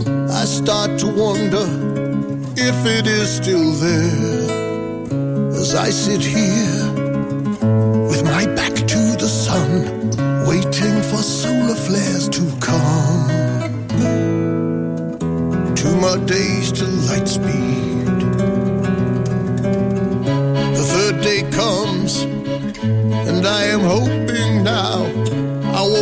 All these years alone. I think of her, and then I start to question what this mission really means for me. What will come, will come without my permission or my choosing. You just can't be sure of anything at all except uncertainty. Another day to light speed. The fifth day comes, waking from my first deep sleep. Everything seems sharper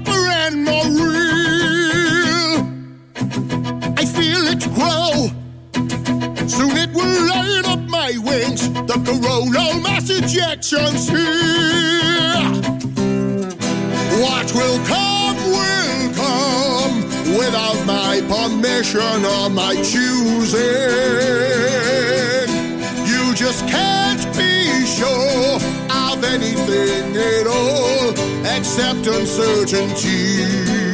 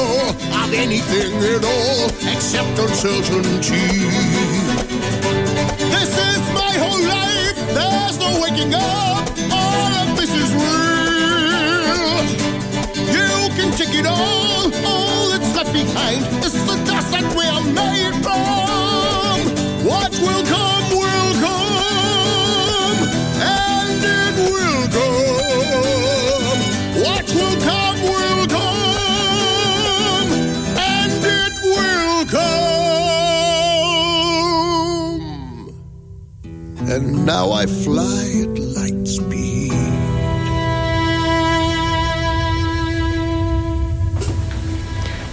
Pues está claro que es un tema diferente, mm, algunos igual me vais a matar por haber pinchado esto, pero creo que era necesario eh, compartir esta, bueno, esta oportunidad que nos había dado Blaze Bailey. Al final, los, por desgracia, pocos que vamos a verle somos muy fans de él, de su música, de su pasado con Iron Maiden, por supuesto también, pero creo que como los que vamos somos realmente fans, el, el tener la oportunidad de igual eh, escuchar este tema en directo, ¿por qué no con violín?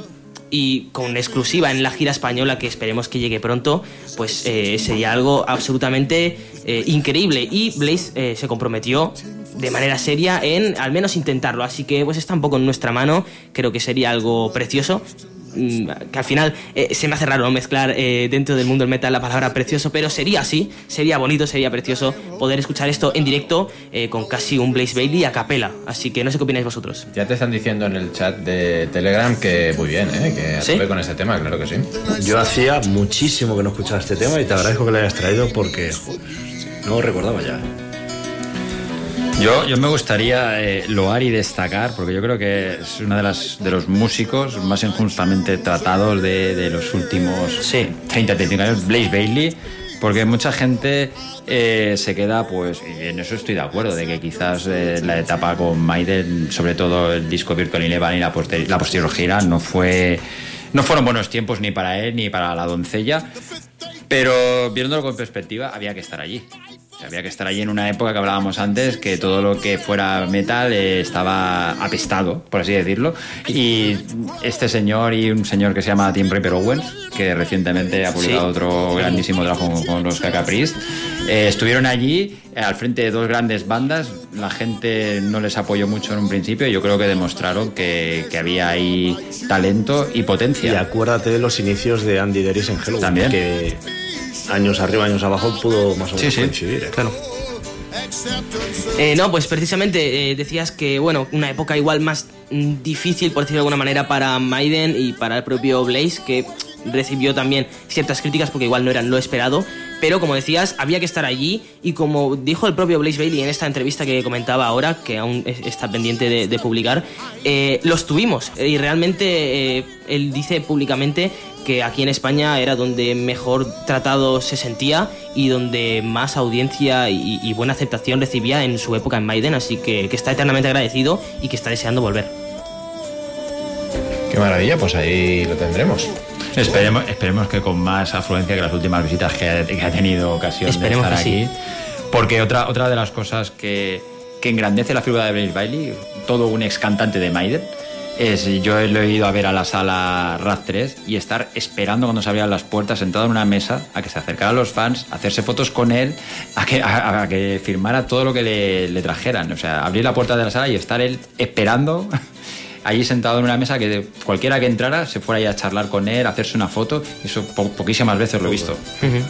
Lo que habla de, de la cercanía, ¿no? De la humildad de un tío que dice, yo he estado en Iron Maiden, vengo aquí y ya vendréis a verme si queréis. Pues no, no, el tío se, se gana el- con el sudor de su frente cada, cada disco y cada concierto que hace y ojalá tenga suerte, se recupere pronto estos problemas de salud que ha, que ha tenido recientemente y que tengamos ocasión de volverla a ver girar. Alfonso, para ir eh, finiquitando tu presencia hoy, ¿tienes algo Sí, que sí, tengo- la, la noticia casi casi de Bueno, eh, semana? llevamos a un tramo, ¿no? Hemos empezado con High Spirits así un poquito con sonidos clásicos. Hemos seguido con, con bandas y con artistas pues clásicos como Udo, como Ara, Ara Blaze. Y vamos a hablar pues de, de lo que ha sido, yo creo, el festival de, de este fin de semana y para muchos el festival de, de la década, yo creo, porque... Es el evento más importante del año sin duda y pues, pues eso, de la década mínimo. ¿eh? Sí, sí, yo creo que para todos los amantes de- del hard rock y del heavy metal, a extensión de uno de los nombres que precisamente tocaba esta noche, que no sabemos muy bien qué pinta ahí, no porque no sea nombre importante, sino porque poco tiene que ver con el resto, me estoy refiriendo a Tool. La verdad que nos íbamos a Estados Unidos ¿no? Eh, para hablar de, de- de tres jornadas eh, de, de auténtico delirio para todos los que nos gusta esta música, porque la primera noche teníamos ocasión de ver compartir escenario, que fue el viernes, a Guns N' Roses y Iron Maiden. La noche del sábado, eh, ACDC y Judas Priest. Y esta noche, la del domingo, pues eh, Metallica y Tool compartirán cartel. Esto ha sido eh, en Indio, eh, en Estados Unidos. Y bueno, y vamos antes de hablar un poquito de lo que nos ha parecido este festival, por lo menos la idea, no tanto por las actuaciones, porque desgraciadamente no hemos tenido ocasión de, de presenciarlas, pues había que, elegir de entre estos tótems del hard rock y del heavy metal una banda y yo creo que, que la más llamativa porque hacía años que estaba pues desconectada de la actividad en directo eran ACDC, la formación australiana.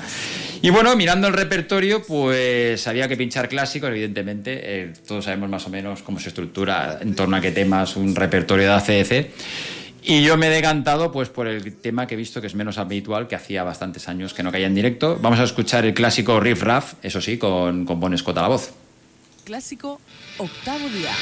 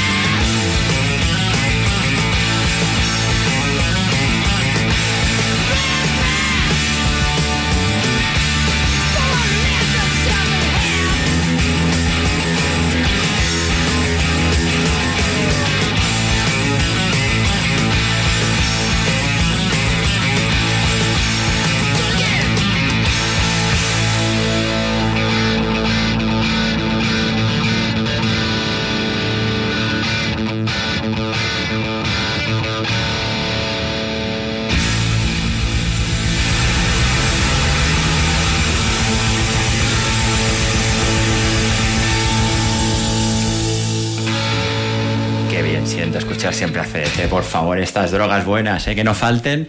Y bueno, ¿y, y por qué este tema en concreto? Pues porque viendo el repertorio eh, no lo tocaban con Brian Johnson desde 1996. O sea, que hacía ya unos añitos sí que lo habían tocado con la gira con Axel Rose, pero no con Brian Johnson. Y ha sido, pues para mí, uno de, de los rescates interesantes de, de este show, que como decía, ha tenido lugar esta noche. Y bueno, y queríamos hablar un poquito de, de lo que es el, el, concepto de este festi- macro festival, ¿no? De juntando a estos grandes nombres. Y yo voy a, tirar un órdago y voy a dejarlo encima de la mesa para que quiero saber, sinceramente, vuestra opinión.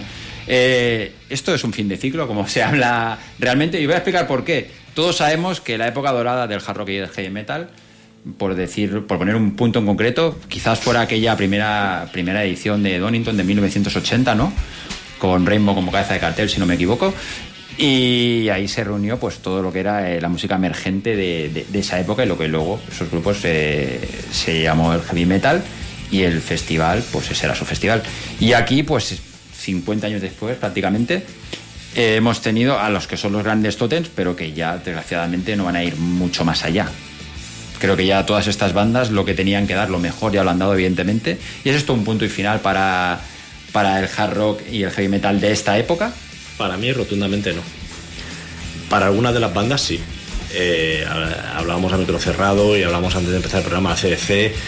Están en el estado que están, llevan siete años sin tocar, eh, empiezan a estar mayores ya, tocan por- por- porque quieren tocar, pero obviamente el estado es el que es. Eh, hablamos del estado vocal de Halford, pero yo creo que, por ejemplo, a bandas como Guns N' Roses, Iron Maiden Metallica les queda recorrido todavía. ¿Cuánto? No sé si les quedarán 5, 10, 20 años, no lo sé, pero yo creo que les queda recorrido toda- todavía. Es cierto que las bandas más veteranas sí que, pues eso, están celebrando 50 aniversario, de ahí para arriba, entonces quizá para ellos sí, pero mm, no lo entendería como un fin de ciclo para, para los dinosaurios, digamos. Eh, musicalmente quizás no, pero a nivel de, de lo que es y lo que ha sido el, el estilo como tal, porque estamos hablando de que cuando este fes- festival, primero que decía yo de Donington en 1980, era, era un, un festival entre comillas para la clase trabajadora y esto es un festival aburguesado totalmente. O sea, con lo cual se está perdiendo un poco lo que era, por eso digo lo de fin de ciclo en plan de como lo hemos entendido siempre, ¿no? Porque evidentemente el fan de 18 años, a excepción de Sergi, eh, habrá unos cuantos más evidentemente, pero no, seguramente Sergi hubiera disfrutado de, de este cartel, pero no me veo yo a muchos chavales como Sergi comprando tickets, estábamos mirando, a 800 dólares, por mucho que el cartel sea interesantísimo, porque no se lo pueden permitir. No tiene pinta, ¿eh? No tiene pinta. es que el rock lleva aburguesado, el rock y el heavy metal llevan aburguesados décadas. Por eso digo que quizás eh, cuando hablo de fin de ciclo también me refiero si ha llegado el momento ¿no? de, de que el rock de alguna forma vuelva a la calle o que vuelva a, los sitios pequeños, lo que hablábamos antes, de los músicos. Hoy estoy un poco pesado con esa cantinela, pero con los músicos que, tienen que batallar, tienen que combinar trabajo, estudios para sacar horas y tiempo para pagar locales, ensayos y luego pues ofrecer algo en directo. Y luego cuando, cuando van a los conciertos o van a dar conciertos, mm, hay cuatro gatos. Yo es que creo que desde que se podía hablar de momentos, ¿eh? pero es que a la que llegaron las redes sociales, eh, la sociedad se ha aburguesado. Y el rock y el heavy metal es un reflejo de la sociedad y está aburguesado completamente. No hay, no hay, no hay denuncia. El, el heavy metal eh, y el rock eran movimientos de denuncia. Rock urbano, o sea, acordaros de los años 80. Sí, hemos perdido la calle realmente. en La, ca- calle no es nuestra. La calle no es nuestra. Las salas de conciertos, cada vez hay más Sí, son, son nuestros hasta que acaba el concierto y te echan a la calle Claro, porque viene, porque viene, la discoteca, está Cada claro. vez hay más rivalidades en- entre bandas, entre medios, entre- en general. O sea, es que no hay unión, no hay hermandad, no. O sea, la unión que había en otros momentos no la hay. No sé, yo para mí el, el concepto es totalmente distinto, no tiene, no tiene nada que ver. Es, es ahí donde vengo lo de fin de ciclo en el sentido, a lo mejor no musicalmente, pero sí como que, igual que todo tiene un punto de partida, llega un punto que se acaba o que tiene que cambiar. Quizás eh, este macrofestival sirva para pegar carpetazo ¿no? y decir, pues hasta aquí hemos llegado en este sentido. Pero no- esto no se puede ir- seguir echando eternamente con entradas. Hablamos ahora, si vienen a tocar a CC, cuando va a valer la entrada? 150 euros. Es que por, por muy fan que seas, igual no te lo puedes permitir. ¿Y cuántos minutos van a tardar en agotarse? Minutos, ¿eh? Da, da- da igual, si no la pagas tú o no la pago yo, Sí, sí. la pagará Sergio, la pagará Dani o la pagará el que nos está escuchando ahora. Da igual. Pero va a seguir O el que no nos está escuchando, que quizás es más grave todavía. El punto de inflexión sería que un concierto de esta envergadura no vendiera tickets si fuera un fracaso. Ese sería el punto de inflexión. Ahí es donde diría, ¿qué está pasando aquí? ¿Por qué la gente no paga? ¿Por qué la gente está cansada de soltar dinero? Pero mientras sigamos pagando 30 y pico euros por un vinilo, mientras sigamos pagando 45 o 50 euros por una banda de medio pelo en un directo, o se siguen pagando, como hablamos de este festival, 800 dólares por una entrada, la rueda sigue girando. Y todos somos partícipes, ¿eh? Sí, sí, ¿eh? evidentemente, yo ¿eh? primero. Yo primero. Pero sí que al final O es cuare- triste, pero. O 45 euros por una camiseta. Exactamente. Yo ya en el de Maiden me negué, pero sí que es verdad que. Bueno, Tienen más delito todavía. No, a ver, está, está claro que es altamente improbable, casi imposible que te monten un festival así y no vendan entradas, porque al final es lo que decíamos ahora, CDC viene y cuántos minutos eh, tardan en agotarse. Nada, es que vuelan. Entonces al final, si te traen estos nombres, es que sí. Es muy remoto que, vayan a, que vaya a salir mal, te traen unos ACDC y ya, ya ellos solos eh, te, te la lían y te completan el festival, ¿no? Pero aún así creo que esto se ha convertido en algo muy selecto. Los grandes son muy grandes y los pequeños tal vez mucho más pequeños que hace tampoco muchos años, mm, ta- tal vez solo 10 aproximadamente. Me acuerdo que uno de mis primeros conciertos de, de Iron Maiden donde la zona de Golden Circle, esa zona más premium, más exclusiva, que, que parecía eh, algo para, para los más seleccionados y los más absolutos fans con algo de dinero, eh, mm, creo que costaba unos 90 euros aproximadamente, que ahora la entrada normal de pista vale más que esa Sí, entrada. sí, perdona que te corte, pero es que esa, esa zona de élite, como tú dices, antes se conquistaba estando en la puerta, como por ejemplo el Snake Pit de Metallica en la gira del 92. O sea, si llegabas pronto y te espabilabas, pues pero no era una cosa que se pagara. Ahora parece que todo se puede comprar. Antes, eh, si querías estar allí, tenías que trabajártelo, estar allí el día antes o a las 11 de la mañana, faltar del cole para, para estar... a- claro, pero eso, eso es el, el concepto del aburguesamiento. Que todo Sí, lo sí. puedes comprar. Y el comprar una entrada. Es que antes te ibas y te estabas haciendo cola. No pido que se vuelva a esos tiempos, pero te estabas haciendo no sé cuántas horas de cola en la tienda de turno para comprarte una entrada. Y si tenías suerte, la comprabas y si no, no. O sea, todo te costaba un esfuerzo y todo te valía la pena. Ahora es un clic, me pongo una alarma eh, 10 minutos antes, me pongo ahí delante del ordenador y a ver si la consigo. Y si no, algún colega habrá compra. No sé, es, es que el concepto no tiene nada que ver. No sé. Nada, nada. Pero hablábamos del precio de las entradas hace un momento. Nadie me entienda, que nadie me entienda como, como crítica ni como que no lo valen. Pero a- anoche Sauron estuvo en Barcelona, entrada anticipada 30 euros. O sea, un- una banda nacional. Cuidado, repito y reitero que, esto luego da pie a malentendidos. No digo que Sauron no valga 30 euros una entrada anticipada y 35 en taquilla. Pero es que hace dos días, dos, eso era precio de banda internacional. Que tenía que mover un montaje con un tráiler o con un autocar de gira y tenía una serie de gastos que una banda nacional no tenía. No sé, creo que algo se nos ha ido las manos, eh, pero no solo con bandas nacionales, que podemos hablar de esto de muchas cosas. A raíz de lo de Sauron, que sepáis que hay una crónica express del Correcto. concierto de Sauron, que ayer Tony estuvo disfrutando el concierto y yo lo vi muy emocionado, eh, que se lo pasó muy bien. Entiendo lo que quieres decir, Mar, soy de la misma opinión. 30 euros para una banda nacional me parece excesivo. Lo entiendo. Igual que ahora he visto que Blind Guardian 45 euros, perdona. Más, ga- más gastos, ¿eh? que lo miré yo hace poco. 50, Fantástico. 50 sí, pavos, 50 ¿vale? euros. O sea, Pero el tema es que la banda sube el caché, que la sala cuesta más, que, sí, que, salir a la carretera cuesta todo. más. Es decir, sí, sí, no- no totalmente. es- eh, evidentemente focalizamos en las bandas, pero la banda te dirá, bueno, es que yo tengo que cobrar más Claro. porque a mí me cobran más, ¿no? Exacto, y sí, sí. ¿Dónde llega? ¿Hasta dónde Yo entiendo el fin de ciclo eh, que comentaba Alfonso, lo traslado primero a que no tenemos eh, tenemos clase alta y clase baja, la clase media está desapareciendo, pero lo que sí que entiendo es que eh, ¿cuántas giras hay en, octubre y noviembre? Que son meses punteros de, de haber tres solapes cada día entre semana y no los hay. Es que han desaparecido promotores, eh, Resurrection, Rot Resurrection eh, programa cosas puntuales, Madness no sé si tiene, tenía 12 giras en el último trimestre del año, no quiero equivocarme.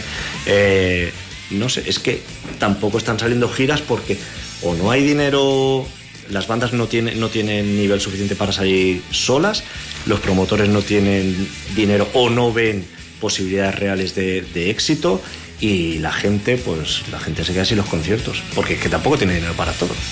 A lo mejor ahí es donde estoy viendo el fin de ciclo o el cambio de, de paradigma. Algo, yo creo que al- algo tiene que cambiar porque no la- lo que tú dices no se puede seguir girando la rueda hasta, hasta que explote. O sea, no, no, no puede ser. No, no, no vamos a ningún sitio. Aquí lo hemos hablado muchas veces, bandas de, no, no de medio pelo, pero bandas que no venden discos ni digitales viniendo de cabeza de cartel. Inconcebible. Por mucho que vengas a Rock Sound, pero ¿cómo pagas eso? Si es que, si estás condenado a arruinarte co- con, una gira por Europa en esas condiciones. Siempre hemos reclamado aquí eh, carteles de 3, 4 bandas, alguna nacional, pero 3, 4 bandas. No porque ya que pagas tengan más bandas, sino porque bandas que no tienen tantas posibilidades puedan meterse en un cartel que los pueda ver gente. Y al final de ver una sala, pues medio llena, no ver carteles como hablábamos antes de, de, de Blade o como hablábamos antes de Iron Savior, de va- conciertos de 40, 50, 60 personas. Que, de, que de esos hemos vivido muchísimos. O de todos. Royal Hunt. O de Royal Hunt. Que, o de Evergrey. Es que, que es, Mm, es que- demencial. No sé. Entonces, eh, yo ahí sí que veo el cambio de paradigma, ahí sí que veo el cambio de- del fin de ciclo, ahí sí que veo un replanteamiento por parte de la escena. Hombre, yo creo que está claro que al final los tiempos han cambiado drásticamente y esto lo estamos notando, pero de primerísima mano. Eh, al final, por ejemplo, eh, en el caso reciente que eh, antes hemos escuchado Udo, Udo hace unos años igual pues eh, te llenaba Celeste, bueno, lo que era Celeste ahora Razmataz, Rage, que los escuchábamos en, el- en el- la semana pasada, en el anterior episodio, también te tocaban en salas bastante más grandes, ahora les cuesta llenar bóveda, ¿vale? Entonces, eh, al final esto es un mundo que se está reduciendo y me da la impresión de que muchos eh, promotores o las giras que se están organizando, igual es solo mi impresión, pero que esos precios más elevados son para que, bueno, los cuatro fans asegurados que me van a venir para esta banda sí o sí, aunque la sala se quede medio llena, yo ya cubro gastos, porque esos fans van a pagar ese precio más elevado de la entrada. Y y no será en todos los casos, pero luego, por ejemplo, eh, lo, noto mm, principalmente por el contraste, por ejemplo, como en el concierto de Burning Witches, que eran tres bandas y costaba 15 euros. Entonces, no es en todos los casos, pero me da un poco esa impresión. No sé qué opináis, ¿eh? Así es. Bueno, en el caso de Burning Witches creo que era diferente, es, es diferente porque no era un promotor como tal de los estándar, creo que era uno de los, los- montaban los chicos que tocaban eh, People as Machine, creo que eran. Creo que lo montaban sí. ellos, lo montaban ellos el bolo, o sea que entonces ahí es diferente. Lo que sí que es verdad que, que yo creo que lo del cambio de ciclo, ciclo perdón, viene también porque todos sabemos que antes un concierto era un acontecimiento. ¿Qué pasa? Cuando viene ACDC, Iron Maiden es un acontecimiento, pero cuando viene Udo, viene Iron Savior, no es un acontecimiento, es una fecha más. Entonces, hay mucha gente que o no se entera, que no está muy metido en el rollo, o no se entera, o ya pasa del tema, o esta gira voy, pero de aquí eh, a las próximas tres no voy. Con lo cual, ¿qué pasa? Que y a, a esos precios, pues la gente se acaba desvinculando. Entonces tú vas al acontecimiento, pues como cuando la gente va al cine, sí, pero ¿cuándo va más gente al cine? Cuando estrenan la última de Star Wars. Cuando entrena- estrenan una película normal de un director que no conoce a nadie, pues van cuatro gatos. Claro, Al eh, final acaba siendo eso. Si es que es lo que decimos, al Ley, final. oferta y demanda. Te vienen unos Iron Savior y hay 40, 50 personas, te vienen unos Hidden y hay 20 en RAS 3 si llega, eh, y luego te viene Iron Maiden y te llena un estadio Olympic. Entonces, ¿de dónde sale tanta gente? Eh, está claro que es lo que tú dices. El Acontecimiento. es acontecimiento, y si viniera CDC, pues lo que hemos dicho antes.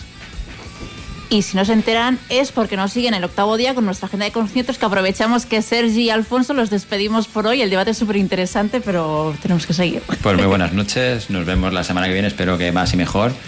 Os dejo en buenas manos, compañeros, con estos titanes del metal. Pues nada, lo mismo digo, seguro, seguro que la semana que viene más y mejor, así que un placer eh, haber repetido esta noche y esperemos que, que la semana que viene de nuevo, ¿no? A por más.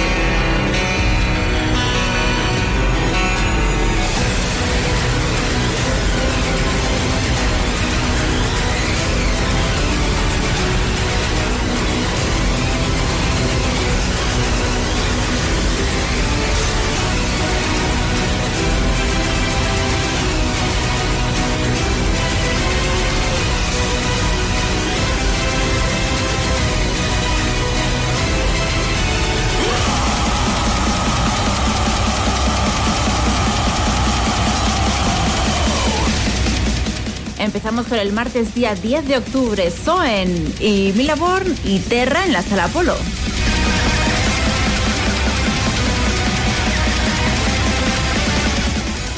Miércoles 11, Canon and Fever y Perennial Isolation en la sala Upload.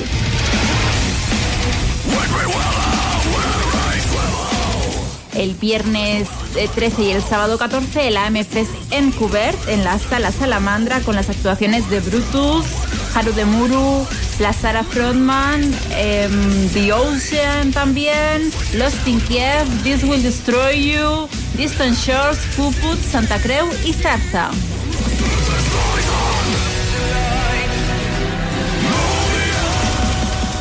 Sábado 14 a ver Bolt y en la sala Razmataz 3. O bien el propio sábado en la sala bóveda Blaze Out y We Exist Even Dead.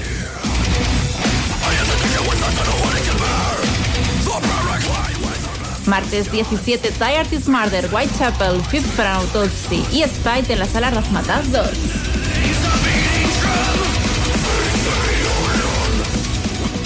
Viernes 20 Destroyer 666, Totonemen y Fogos en la sala bóveda.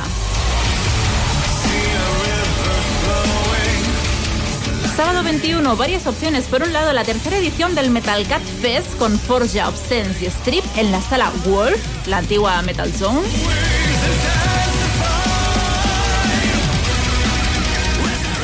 Otra opción es el Dead Cult Rising con Zero Karma, Visions, Geography of Hell, Diagnau, Darsha Kazimara y Zura Kaharadze en la sala Upload.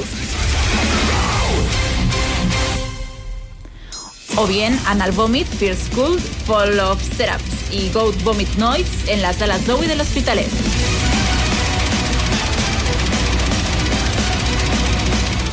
Doblete de Titanes, jueves día 26. Por un lado, Blind Guardian y Down of Extinction en la sala Razmataz.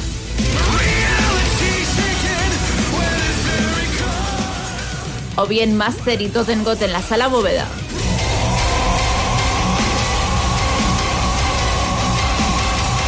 Y finalizamos la agenda de conciertos con el sábado 28 de octubre con Empty Intolerance, Maldizao y Dios en Los Terces en San Adrià del Besós.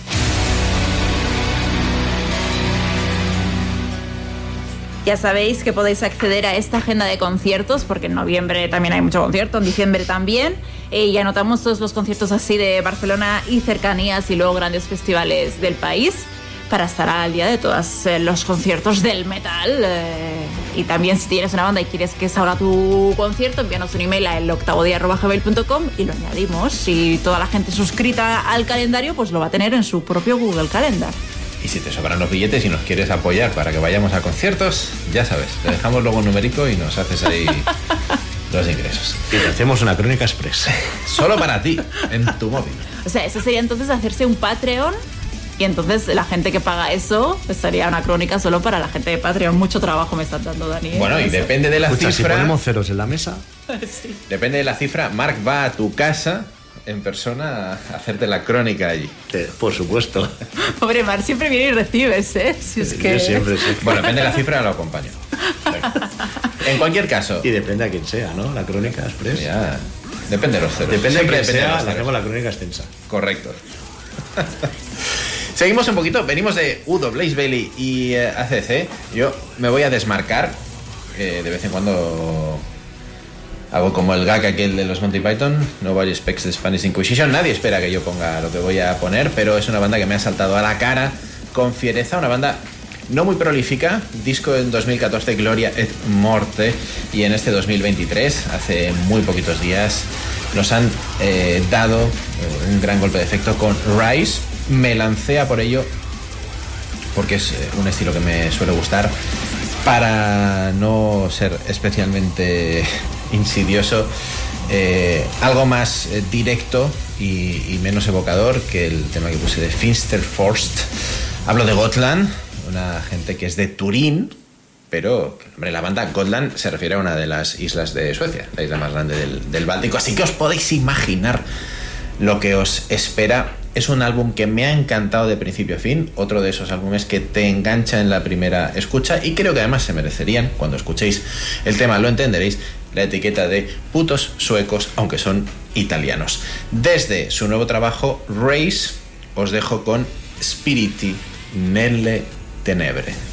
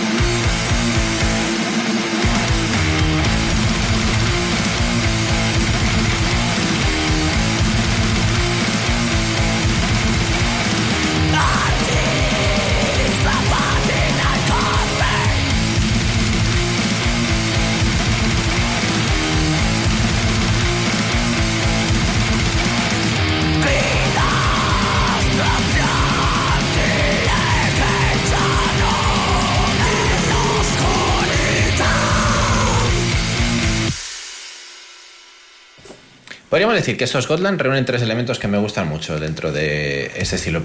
La temática eh, épica, eh, batalla, historia del Imperio Romano, etcétera, etcétera. No me ha parecido nada extraño porque a veces cuando hablamos de bandas que tienen como temática la historia del Imperio Romano cojean de cierto pie, no parece, o por lo menos creo que no, si es así, avisadme. Después, evidentemente, la melodía, la parte folk, es la que a mí me llama muchísimo más en este estilo. Y luego también reconozco, en este caso, que las voces de Irmin, que tienen ese puntito más agudo, más danifilciano, por así decirlo, en el black metal. Me encantan. Para mí una de las sorpresas del año no es un estilo en el que me prodigue y además me ha gustado mucho algo que habíamos comentado en su día en el octavo día con Mark, que canten en italiano. Su idioma, ¿eh? Sí, señor. Además, me parece que es un estilo al que le pega mucho. Sí, sí, que no son, no son los únicos, pero sí, sí, le pega mucho, le pega mucho. Y bien, para mí es un valor añadido siempre. Desde luego. Así que este Rise, segundo trabajo en nueve años, van con tranquilidad. Estos Godland. Si eh, os gusta el black metal con ese puntito folk y con siempre una melodía de base, echadle una escucha, porque creo que es una gran, gran opción para este 2023. Pues seguimos con más metal y también nos mantenemos en el metal extremo, aunque en este caso vamos a viajar hasta Australia porque hace muy poco que la banda Thai Artist Murder, quienes vienen en directo en breve, eh, han sido noticia, no solo por el lanzamiento de su magnífico y sexto disco llamado Good Light, también por una polémica que ha sucedido en redes sociales, que por si no habéis estado al tanto del marujeo, pues el que había sido su cantante desde 2009, eh, TJ McMahon, soltó un comentario transfobo. Según la banda, ese comentario fue ya como el colmo de los colmos de una serie de actitudes en las que el resto de la banda no estaba conforme. Y tal y conforme se publicó dicho comentario, la banda anunció que lo echaban e hizo un mensaje a favor de las personas trans.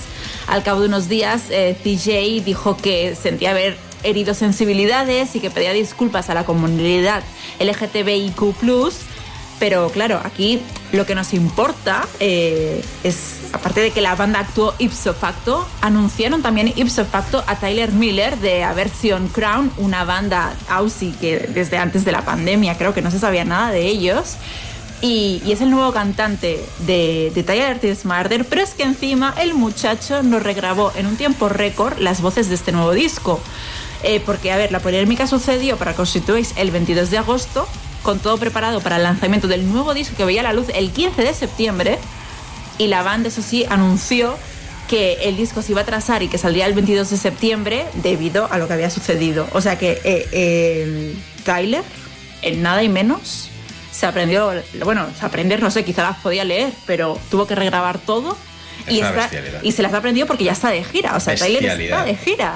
En, en nada y menos. Por lo que ahora también tenemos la versión digital en la que tenemos las voces de Tyler y una versión física con las voces de, de CJ. Eh, curioso cuanto menos, seguro que pese a la polémica que yo me- personalmente soy muy a favor de cómo ha actuado la banda, eh, a nivel de coleccionismo pues también debe ser, ¿no? En un futuro, en plan, o sea, tengo la versión de, del Good Like eh, por eh, CJ y por Tyler. Eh, creo que la, sustitución es muy buena, Tyler es muy buen cantante y encaja perfectamente también con Ty Artist Murder, lo veremos en directo a ver si encajan o no. Pero bueno, yo, a mí lo que me parece curioso, cómo ah, va a salir el nuevo disco, lo tienes todo listo y cómo dices, me da igual, eh, no paso por aquí y va- vamos a cambiarlo todo. Y tenemos que cambiar y hay que seguir este ejemplo. Con estas actitudes hay que actuar con contundencia. Hay que poner los principios por delante de todo lo demás. Así que bravo por The Artist Murder y ojalá más gente siguiera su ejemplo. Totalmente. Porque mucha gente justifica, esconde, no, bueno, es que mira, no, no, no, no. Hay líneas rojas que no se deben traspasar. Esta es una, así que bravo por ellos. Bravo por ellos y con el dineral que ha tenido que costar toda esta movida en, en, pues eso, en esas tres semanas, ¿eh? regrabar un disco, salir de gira. eh, La gira, tú tienes desde Australia, tienes todos los pasajes visados y demás pagados. Claro, es que aparte no, no vienes de cualquier otro sitio de Europa, no, no, es que vienes de, de la otra punta del mundo. Sí, sí, sí, sí. Sí, sí, chapó, chapó por ellos. Pues vamos a escuchar precisamente a Tyler en este Good Life con el tercer corte llamado Join Me in Armageddon.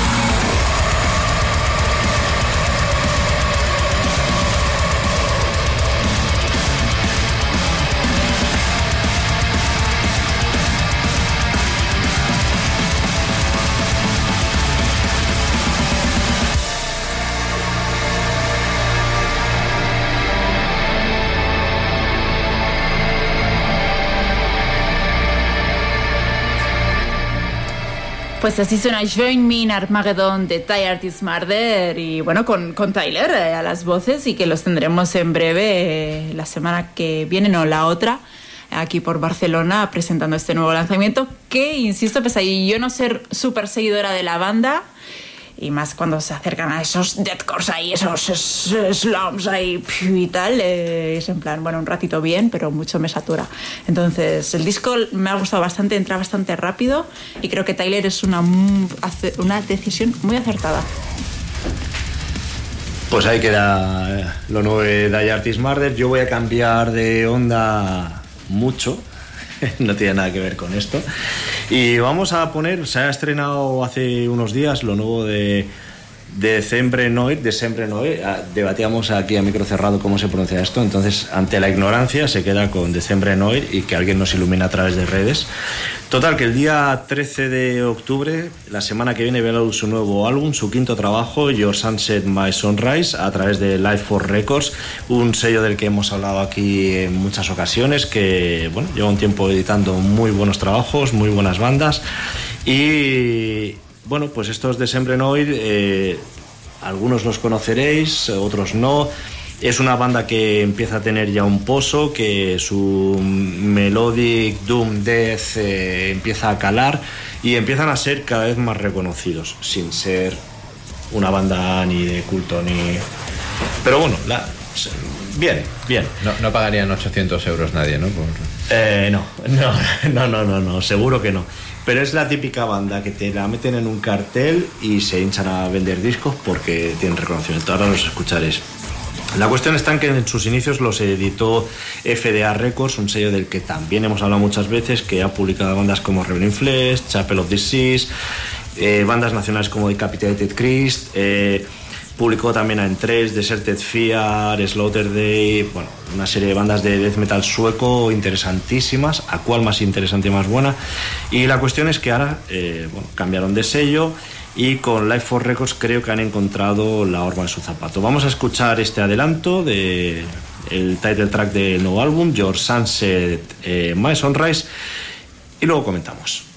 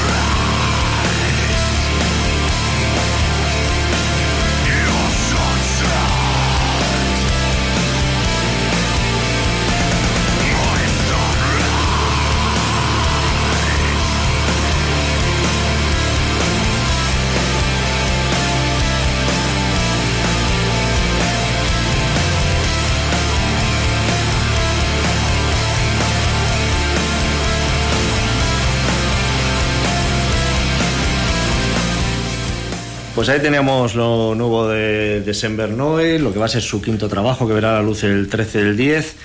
Y bueno, pues eh, me vais a permitir una pequeña licencia. Eh, yo la última vez que estuve aquí estuvo Inma yo hoy me hubiera gustado que estuviera también. Eh, las cosas han querido que no, que no esté, entonces bueno, quiero acordarme de ella, quiero dedicarle esta canción y bueno, pues, pues eso que... Aunque no le va a gustar. No, no, no, no, no, pero eh, escucha, si le dedico un tema, no tiene gracia que sea uno que le guste. la gracia es buscarle la vuelta con alguno que no le va a gustar. Joder, yo le dediqué uno la semana pasada que sí le gustó. Sí, pues Oye, Rock. Mark la- las dedicatorias las hace distintas. tú eres el poli bueno y yo el poli malo. Damos palo y zanahoria, ¿no? Cada uno lo suyo. Y bueno, yo creo que este tema, creo que esta banda es, es una banda que tiene el sello ojero, tiene, creo que a ti, Xenia, te puede haber gustado, creo que a Lester, a Raúl y a alguno más del chat de Telegram les puede gustar, así que nada, bueno, esperemos a escuchar el disco entero y a ver qué tal. La semana que viene sale, ¿no? Ya. El viernes. Por el eso. Viernes. De lanzamientos de estos locos que encima el grupo de Telegram se llena de compartir, escucha esto, Es qué bueno esto. es increíble. O sea, que el viernes es eh, día duro. El viernes de lanzamientos y el domingo se completa con el programa. Sí, sí. Qué comunidad tan chula estamos Totalmente. teniendo, eh, Xenia. Totalmente. Qué maravilla Sí. la comunidad del octavo día. Sí, sí, sí. Sobre todo mantener el buen rollo, el hablar, cada uno con sus opiniones, con sus gustos, que son muy variados. Entonces, sí, sí. Ir a los conciertos y encontrarse y saludarse, ¿qué Totalmente. tal? No sé qué. Sí, sí, mola mucho. Déjame ver el concierto ya. No, Coño. para nada. No, no, no, no, nos encanta que nos saludéis. por favor. Aparte que la gente es respetuosa y te saluda en las pausas. Así es, así Eso es. Muy, muy cierto.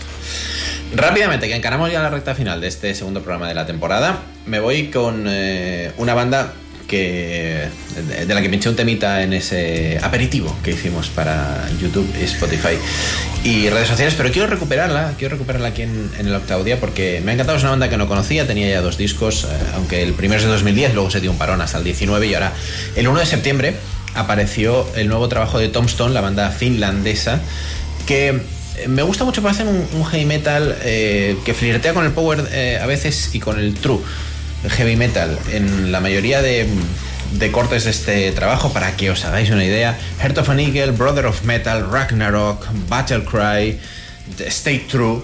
Y lo que voy a decir puede sonar a chiste pero lo digo totalmente en serio. Supongo que habrá eh, quien, quien se parta un poquito el pecho.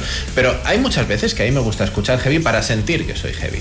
Para sí para recordar eh, que soy heavy o porque maldita sea pues eh, no sé eh, me insufla un poquito este sentimiento de pasión hacia la música con la que convivo o convivimos, si lo expandimos al metal puramente, y de vez en cuando me gusta que venga alguien y me diga, mola ser heavy.